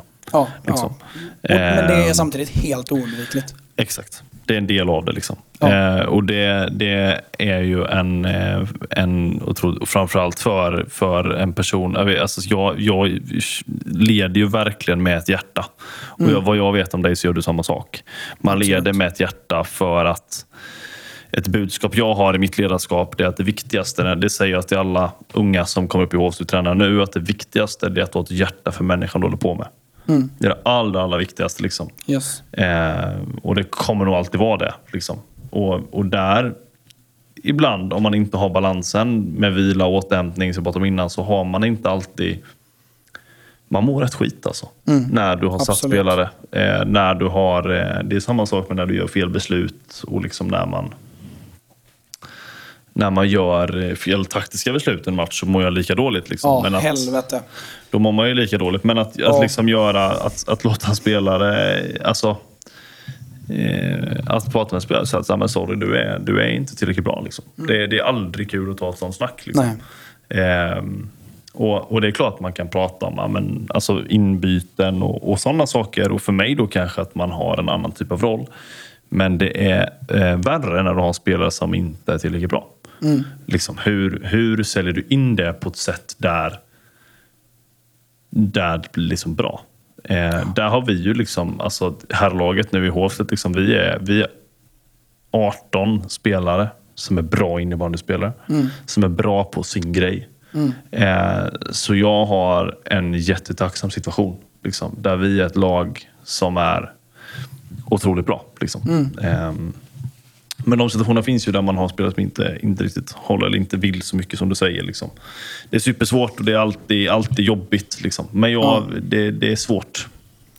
Det är svårt Ja, att ha. Jag har letat efter den hemliga koden liksom, att Ja, lösa situationer. inte. Men det jag, finns jag, inte. jag tror inte den finns. Och Nej. hur som helst så är den kontextuell. Exakt. Eh, Men eh, det, det var på tal om just det så jag påminnes precis om det i vintras så ehm, det här året som vi har gett oss in på nu eller som vi snart är färdiga med är ju ett ganska så eh, vägvisande år eller var det och vi såg det framför oss när vi drog igång säsongen att det här är ju liksom antingen så går det bra och då satsar vi damlag eller så går det mindre bra och då får vi nog tänka om. Ehm, Men då gjorde jag i alla fall en liten enkät som alla fick vara med och göra. Eh, anonymt inför alla andra men att jag kunde se vem som svarade vad. Och så vidare. Där en av frågorna som jag satte bara för att nyttja att det var helt anonymt. ehm, och inget, ingen grupp involverad. Så så här, hur rankar du dig själv i den här truppen? Det var en spelare som rankade sig under medel. Mm. Vad gör man med det? Jätteintressant. Vart börjar man bena där liksom? Och hur mycket värdering ska man lägga i det? Mm. Hur mycket ska du själv lägga i att ta det tunga snacket? Mm. Och hur mycket ska du låta det tala i laguttagningar? Mm. Och när ska du... sk- Ska det leda till att de till slut ställer frågan till dig? Mm. Och hur många tror du klarar av det? Alltså det... det Jag tror att man, alltså det, det som man, jag har landat i, ehm, i de snacken, liksom, det är att framförallt på hög nivå så är det ju väldigt lätt. Alltså det är ju, jag tror det är viktigt att man jobbar med att har du frågor så vill jag att du tar det med mig. mm, För det är någonting som människan växer av. såklart. Liksom. Ehm, om du inte tar det med mig, att du inte spelar, då räknar jag med att du förstår varför. Ja, Ehm, precis. Annars vill jag att du frågar mig. Och jag tror att när man tar sådana snack, när spelaren frågar varför, så behöver man utgå från spelarens varför. Varför tror du att du inte spelar? Liksom. Jag tror att en, en viktig sak här är att diskutera. Det finns, alltså jag brukar titta på en ruta liksom, där man har fakta och man har känslor. Alltså utifrån vilken fakta känner du så? Utifrån vilken fakta känner du att du är besviken på mig? Ja, som tränare. Liksom. Är det för att jag har gjort någonting? Eller är det för att du har gjort någonting? Eller är det för att någon annan har gjort någonting? Eller vad grundar det sig i? Och ofta är det liksom, människan vill alltid bli, bli bekräftad och vill känna sig sedd. Och det gör de ju inte när du inte spelar. Och liksom, jag tycker att den diskussionen, alltså att, det blir ju en utvecklingsgrej här. Hur utvecklar vi spelaren vidare? Liksom? Och då måste man utgå från spelarens varför och inte mitt varför. För ska jag sitta där och säga så här, så här, så här, så här, så här ska du spela. Så blir det väldigt jätteslentriant tycker jag. Ja, det är bättre att liksom utgå från varf, vad känner du inte funkar för dig på planen. Liksom om vi utgår från den punkten. Eh, och då pratar spelarna och det är bättre att jag pratar om vad, du, vad spelarna är bra på. Vad, du, det här gör du så bra. Liksom. Du är så bra i, spelvändningar, du är så bra i anfallszon. Men spelaren känner sig inte bra i defensiv zon. Men där har vi saker att jobba på. Vad känner du själv? Liksom? Vad känner du själv att spela bättre? Ja, men det här och det här. Ja, absolut. Jag, jag håller med dig. Jag tänk, det här kan ju också vara en grej. Liksom. Så att man leder samtalet från personen. Att personen själv i ett sånt samtal får leda det snacket. Och det gäller ju också då där fler situationer händer där spelaren inte är i sig själv. Utan spelaren landar i att så här, ja, men jag, jag vet inte. Dags att börja fundera. Liksom. ja, Att man ut, alltså att spel, för då, och då får man ju också, som jag pratade om, med reflekterande spelare, tänkande spelare, Andrea Pirlo, alltså tänkande spelare. Reflekterande spelare som reflekterar över vad de håller på med och reflekterar, och reflekterar över sin egen utveckling. Liksom. Ehm, och då kan man landa i en situation där det blir lättare att ta sådana snack. Det blir lättare för spelarna att ta snacken, lättare för mig som ledare att ta de snacken. Liksom. ja. Eh, det tror jag är nyckeln. Liksom. Eh, eller nyckeln, säger jag. Det, det är nyckeln för mig i de snacken. Liksom, att Absolut. med det. Ehm, Ja, och, och det, det är ju, alltså eftersom att du jobbar i ehm, elitverksamhet, ka- kallar man, är det, skulle du klassa division 1 som elitverksamhet? jag eller? eller jag skulle klassa vårt lag som det. Ja, okej. Eh, yes. Division 1 är enligt mig ändå elitverksamhet. Sen är det olika lag som gör olika saker med det. Ja. Eh, så jag skulle säga att hälften i division 1 är relativ elit. Några är väldigt elit. Några är inte elit. Vi är, vi är elit. Liksom. Ja. Eh, och där har du ju då eh, fördelen att det är nog ohyggligt lite utav en spelares problem eller gruppdynamik eller eh, problem som kan uppstå i en grupp eller mellan individer som är utanför det ni gör på träningsplan. Eller som ni gör på teambuilding. Det som ni gör. Skillnaden för, för mig är ju att de flesta går på Ljungarumsskolan. Spenderar all tid ihop. Plus att vi har motståndare som går i samma klass. Alltså det är ju sånt psykologiskt och dyna, gruppdynamiskt virvar. Som gör att när du pratar om det här, för det är om eh, att lägga, lägga frågan i handen på spelaren eh, och så vidare. Så är det ju, när det lyckas så är det ju ehm, Då känner man sig lyckad som tränare. Spelaren går därifrån och känner att de har fått med sig någonting. Och eh, även om det inte innebar att de fick spela mer så går de inte därifrån mer missnöjda i alla fall. Eh, Ja, men det, är, och det, är, liksom, det är ju ett sätt för spelarna att få fram det de vill också. Ja, precis. Absolut. Och det, det, där får man ju landa också. Problemet eh, när man jobbar F16 och skolungdomar är ju att du kan, inte, du kan inte räkna med att alla problem uppstår där du kan se, höra eller ta del av det. Du är med 10% liksom, av deras verklighet. Ja, precis. Eh, nu har det blivit lite mer det här året då eftersom att i stort sett varenda eftermiddag spenderar vi ihop. Mm. Ehm, men det är ändå inte liksom Nej, du är inte med i majoriteten av deras liv, liksom, Nej. tyvärr.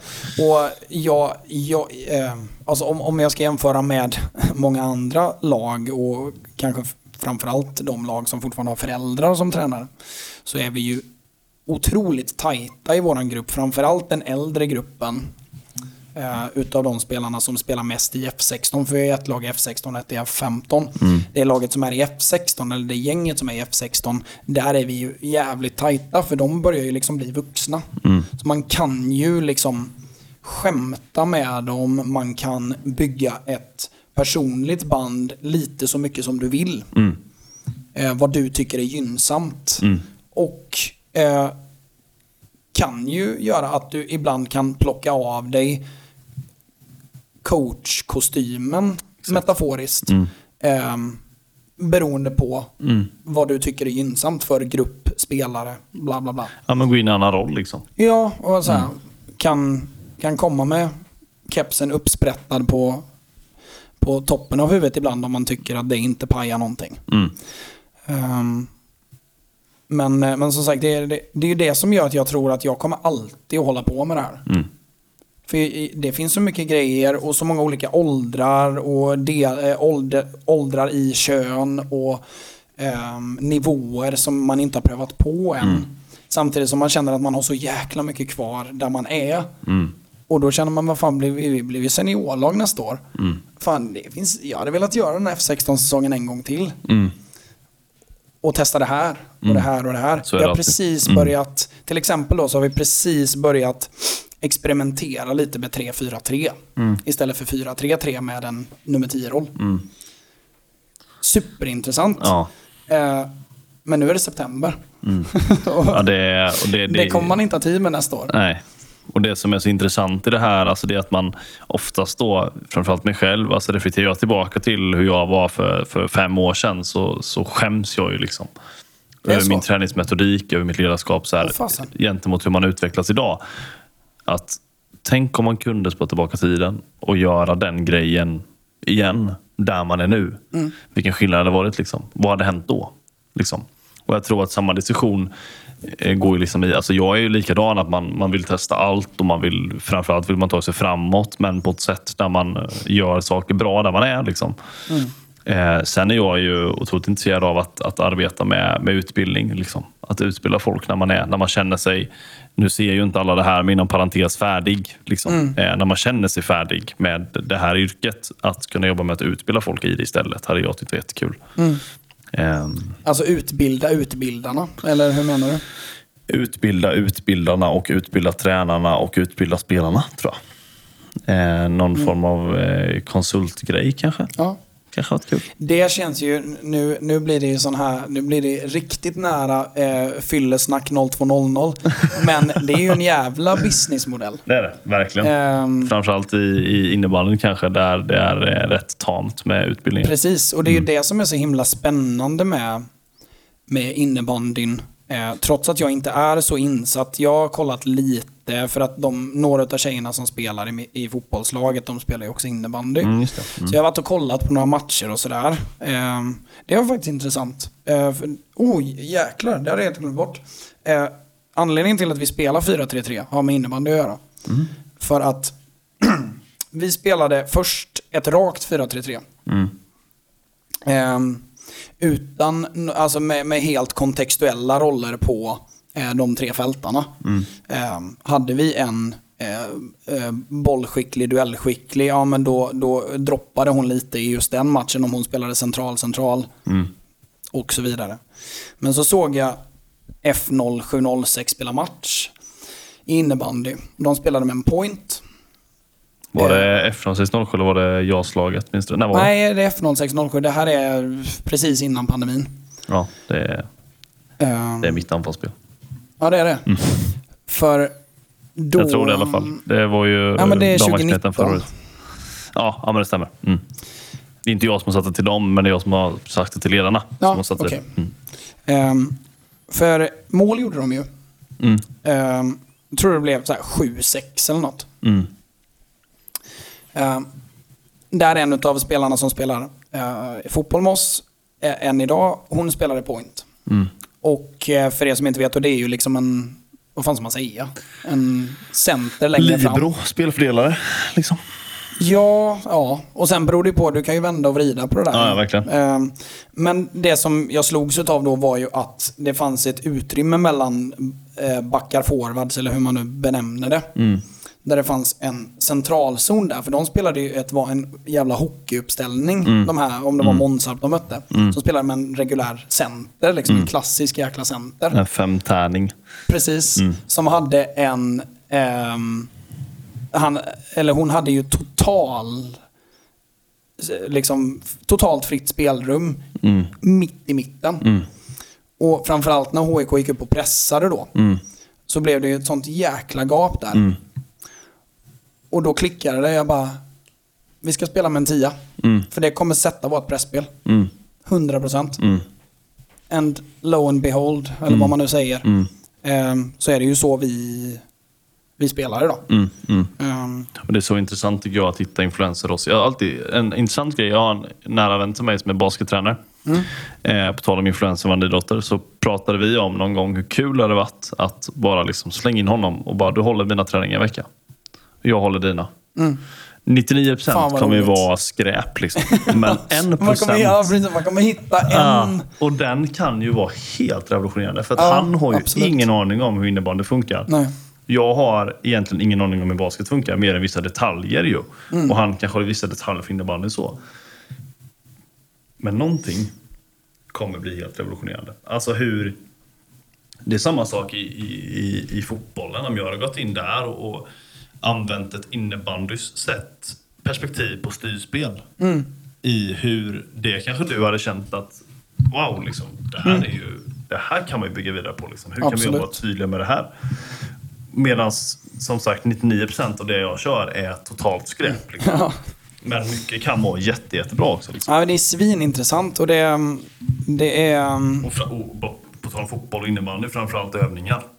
Ja, Vad vi kan absolut. med oss övningar. Och det var ju liksom. roligt i somras, alltså den kvarten jag satt med dig, eh, för ni hade ju lite så här planering lite- och sådär. precis. Och jag höll i ett fotbollsläger där, eller var instruktör på fotbollslägret. Så efter klockan 12 så hade jag inget att göra. Mm. Annat än att jag skulle vara kvar till tre och göra ingenting.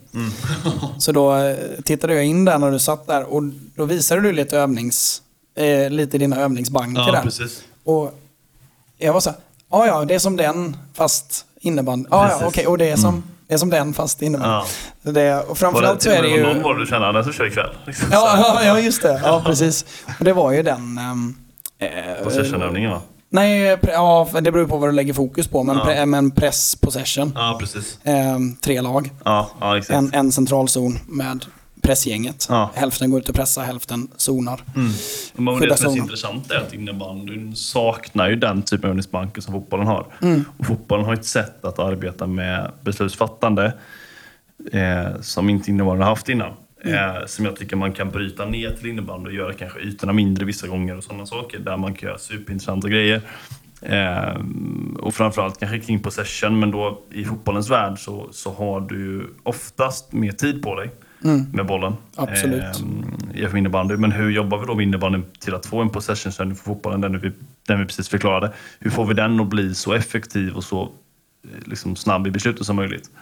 Eh, superintressant. Och det är liksom så jag tror att slår man sig ner en kväll, eh, du och jag, efter det här och pratar rakt av övningar en kväll, så kommer det hända grejer. Liksom. Där Mm. Det tror jag med. Liksom, så här, hur, och du utgår från hur tolkar jag det här till min sport och jag är tvärtom.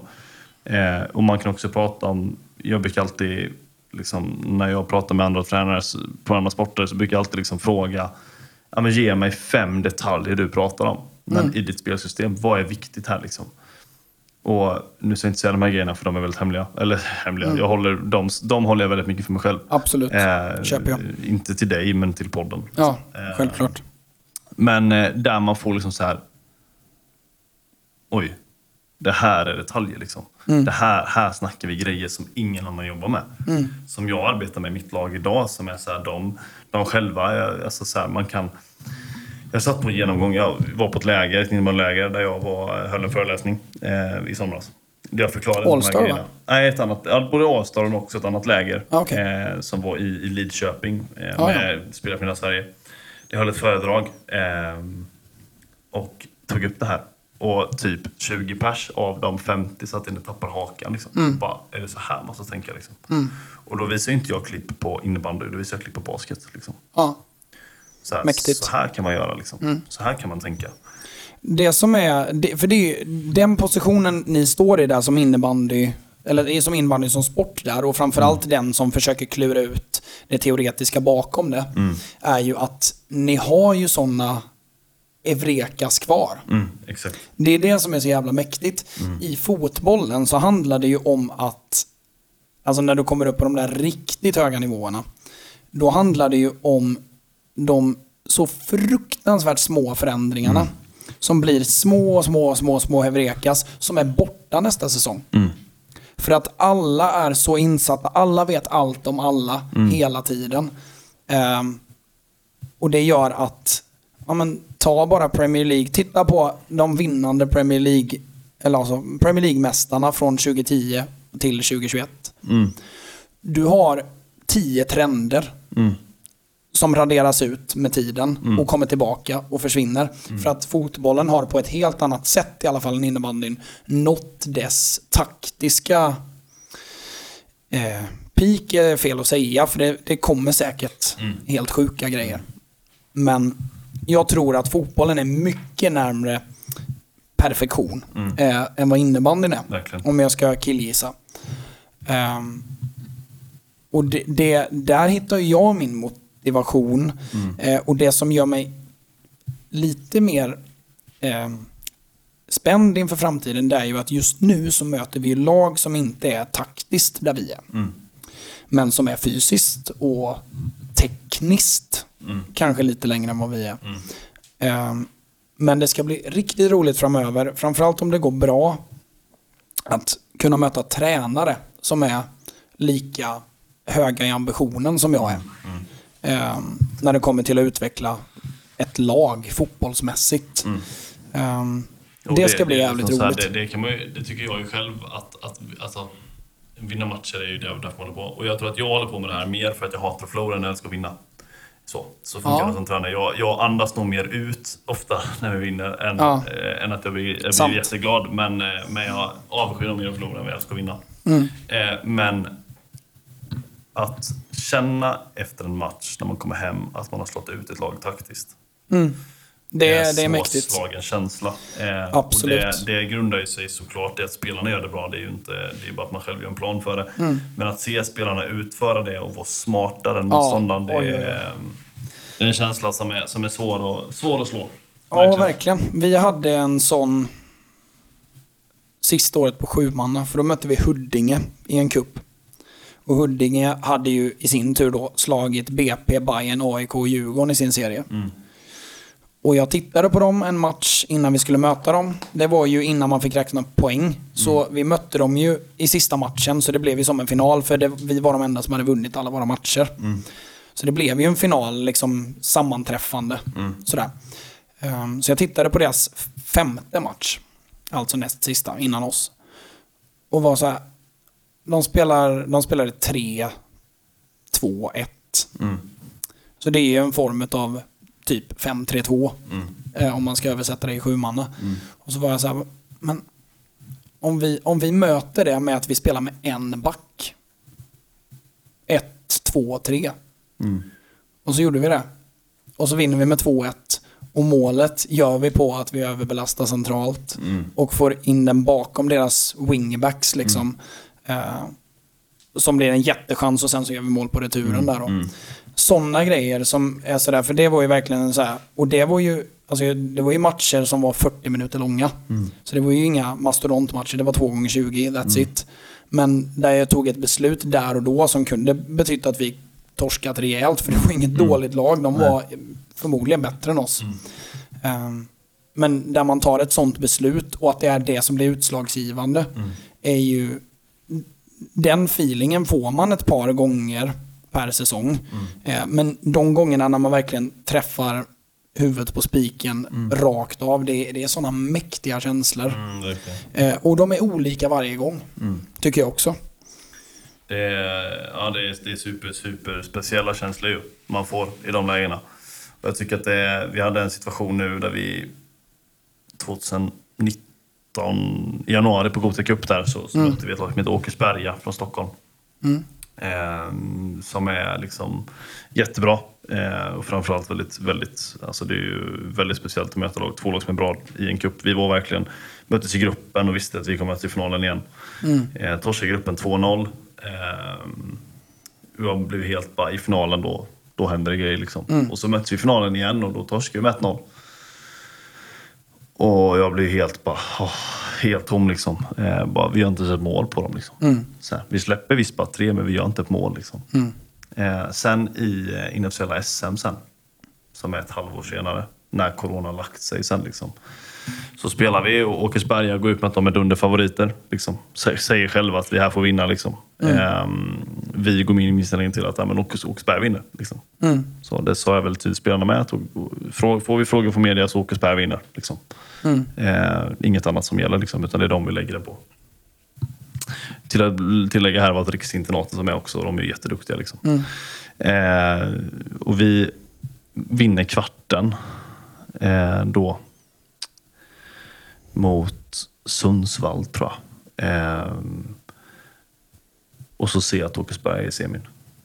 Liksom. Fy fan, det är det... Vi har ju typ en plan i ett halvår för den här matchen. Liksom. Eh, Underbar känsla. ja, Jag tror gillar att- nästan den känslan inför. När man vet vad man har kokat ihop. Jag, sitter, jag tror att jag stängde av datorn vid typ halv två på natten och slog upp vid sju igen. Eh, Och det är klart, för att videoanalys, videoscouts på dem på kuppen liksom. Som kör med spelarna på morgonen. Eh, och så bra tjejerna utförde det. Eh, och tänkte på det och var liksom mentalt stark i den fighten. Var helt osannolik. Vi vann med 4-2, tror jag. 4-1. Eh, och hade momentum där på typ tre minuter där vi gjorde fyra kassar. Alltså pang, pang, pang, pang, pang. Liksom. Och jag bara, vet du, och jag tycker det är så mycket känslor i de lägena så. Eh, så en vattenflaska rök väl, tror jag. Eh, efter det fjärde målet så, så rök någon vattenflaska från mig, tror jag. Eh, och den känslan lever man på. Nu torskade vi tyvärr finalen mot Riksinternatet med 3-1, men, men den matchen är en sån här match man kommer komma ihåg. Absolut. som var verkligen så här... Eh, en, en otroligt skön seger. Liksom. Ja, och det, det, är ju, det är ju få segrar som är kompletta. Ehm, Nog ingen, men den var, den var rätt nära. ja, jo, jo, men alltså, ja, ska man se till taktiska och gå ner i varenda minut och sekund så finns det ju inte. Men, men när det kommer till att ja, men jag är nöjd med den här biten, jag är nöjd med den här biten, jag är nöjd med den här biten. Jag är nöjd med matchuppladdningen, jag är nöjd med uppvärmningen, jag är nöjd med spelarnas uppträdande inför matchen, jag är nöjd med sättet vi startar matchen på, jag är nöjd med sättet vi gör målen på. När alla de grejerna faller på plats och man dessutom vinner, de matcherna är ju de man, som jag i alla fall lever för. Ehm, när det, det är ju det som gör att man tar sig till träningen, springer ifrån bussen för att hinna till träningen när man slutar 16.30 och den börjar 17. Det är ju det som, det är det som får en att börja springa där. För att det, är- det är dit man strävar på något sätt. Ja, alltså att få ett lag att, att verkligen brinna för varandra och, och bli smarta och liksom... Ja, det är en häftig känsla. Alltså. det är, och framförallt att ha väldigt kul med ett lag. Är ju liksom, Absolut. Och det får man inte glömma heller. Det är väldigt lätt. eh, Jag tycker att jag har glömt det i år mycket. Eftersom att det har varit så mycket. Vi, har inte, vi har inte tid att um, köra lite tävlingar på slutet av träningen för vi har match imorgon igen. Ehm, Det har ju nästan blivit så lite NHL-schema för oss. Mm. Och det har vi inte varit vana vid. Eller, vem är det liksom? Nej. Ehm, så det tycker jag vi har glömt lite. Så nu bokade vi in Isaberg i två dagar. så Mm. Ja, är gott. efter säsongen Ja, bara ja. för att okej, nu drar vi ut allt kul vi har missat Mm, mm. På en jävla weekend. Ja, precis. Och det behövs tror jag. Ja, det tror att man har med. kul och att man har kul på, på träningar, innan träning, efter träningar. Och liksom. Det är jätteviktigt. Absolut. Men jag tänker så här. Det, det här var superintressant. Verkligen, Ehm, verkligen. Och jag tror ju att vi får ta ett eh, privat möte också. Ja, exakt. Ehm, över antingen ehm, 18 plus-drycker eller bara vanligt kaffe. exakt. Ehm, men det har varit en jäkla ynnest att ha dig här. Eh, ett jäkla substitut mot ehm, eh, att annars bara suttit och pratat landslagsfotboll i sin ensamhet. Eh, så är, det ju, är ju det här ett otroligt utbyte. Superkul. Ehm, och innan det så är det någonting liksom som du vill pusha för i din, är det liksom nu när restriktionerna släpper, när har ni eh, säsongspremiär och sådär? Det är ju ett par som bor i Jönköping som Ja, men precis. kanske vill ha koll. Först och främst är det ju att stå med. Liksom, det är kul att se att den här podden har tagit otrolig fart. Liksom. Det är, Ja, det är helt superkul. Ja, Eh, det är jättehäftigt och, och väldigt häftigt att få med i den liksom, också. Eh, superkul. Eh, sen, eh, som sagt, det släpper ju. Sen har vi väl hemmapremiär den 25 september. Eh, där kommer man få se ett, ett eh, fysiskt och tekniskt smart lag spela. Exakt. Eh, så att dit är man välkommen och sen eh, framåt där, tror jag 2 oktober, så är väl restriktionerna helt släppta. Så det är Ja. fritt fram liksom, eh, på den hemmamatchen. Härligt. Eh, så då är man varmt välkommen. Visst. Kalas. Och för eh, våran del då eh, får du genomlida våran, våran pluggrunda.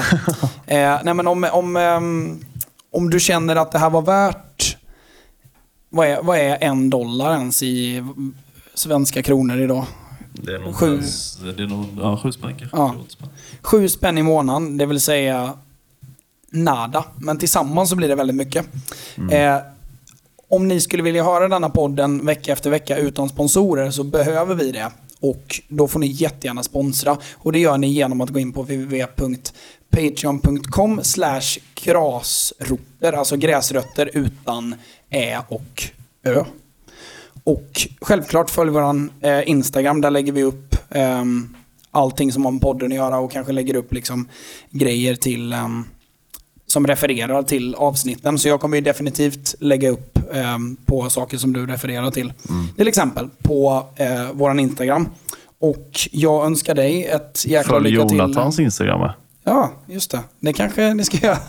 Aldrig tänkt. Jag tänker inte så mycket på min Instagram. Jag lägger upp några bilder på när vi står i en ring och så är det det.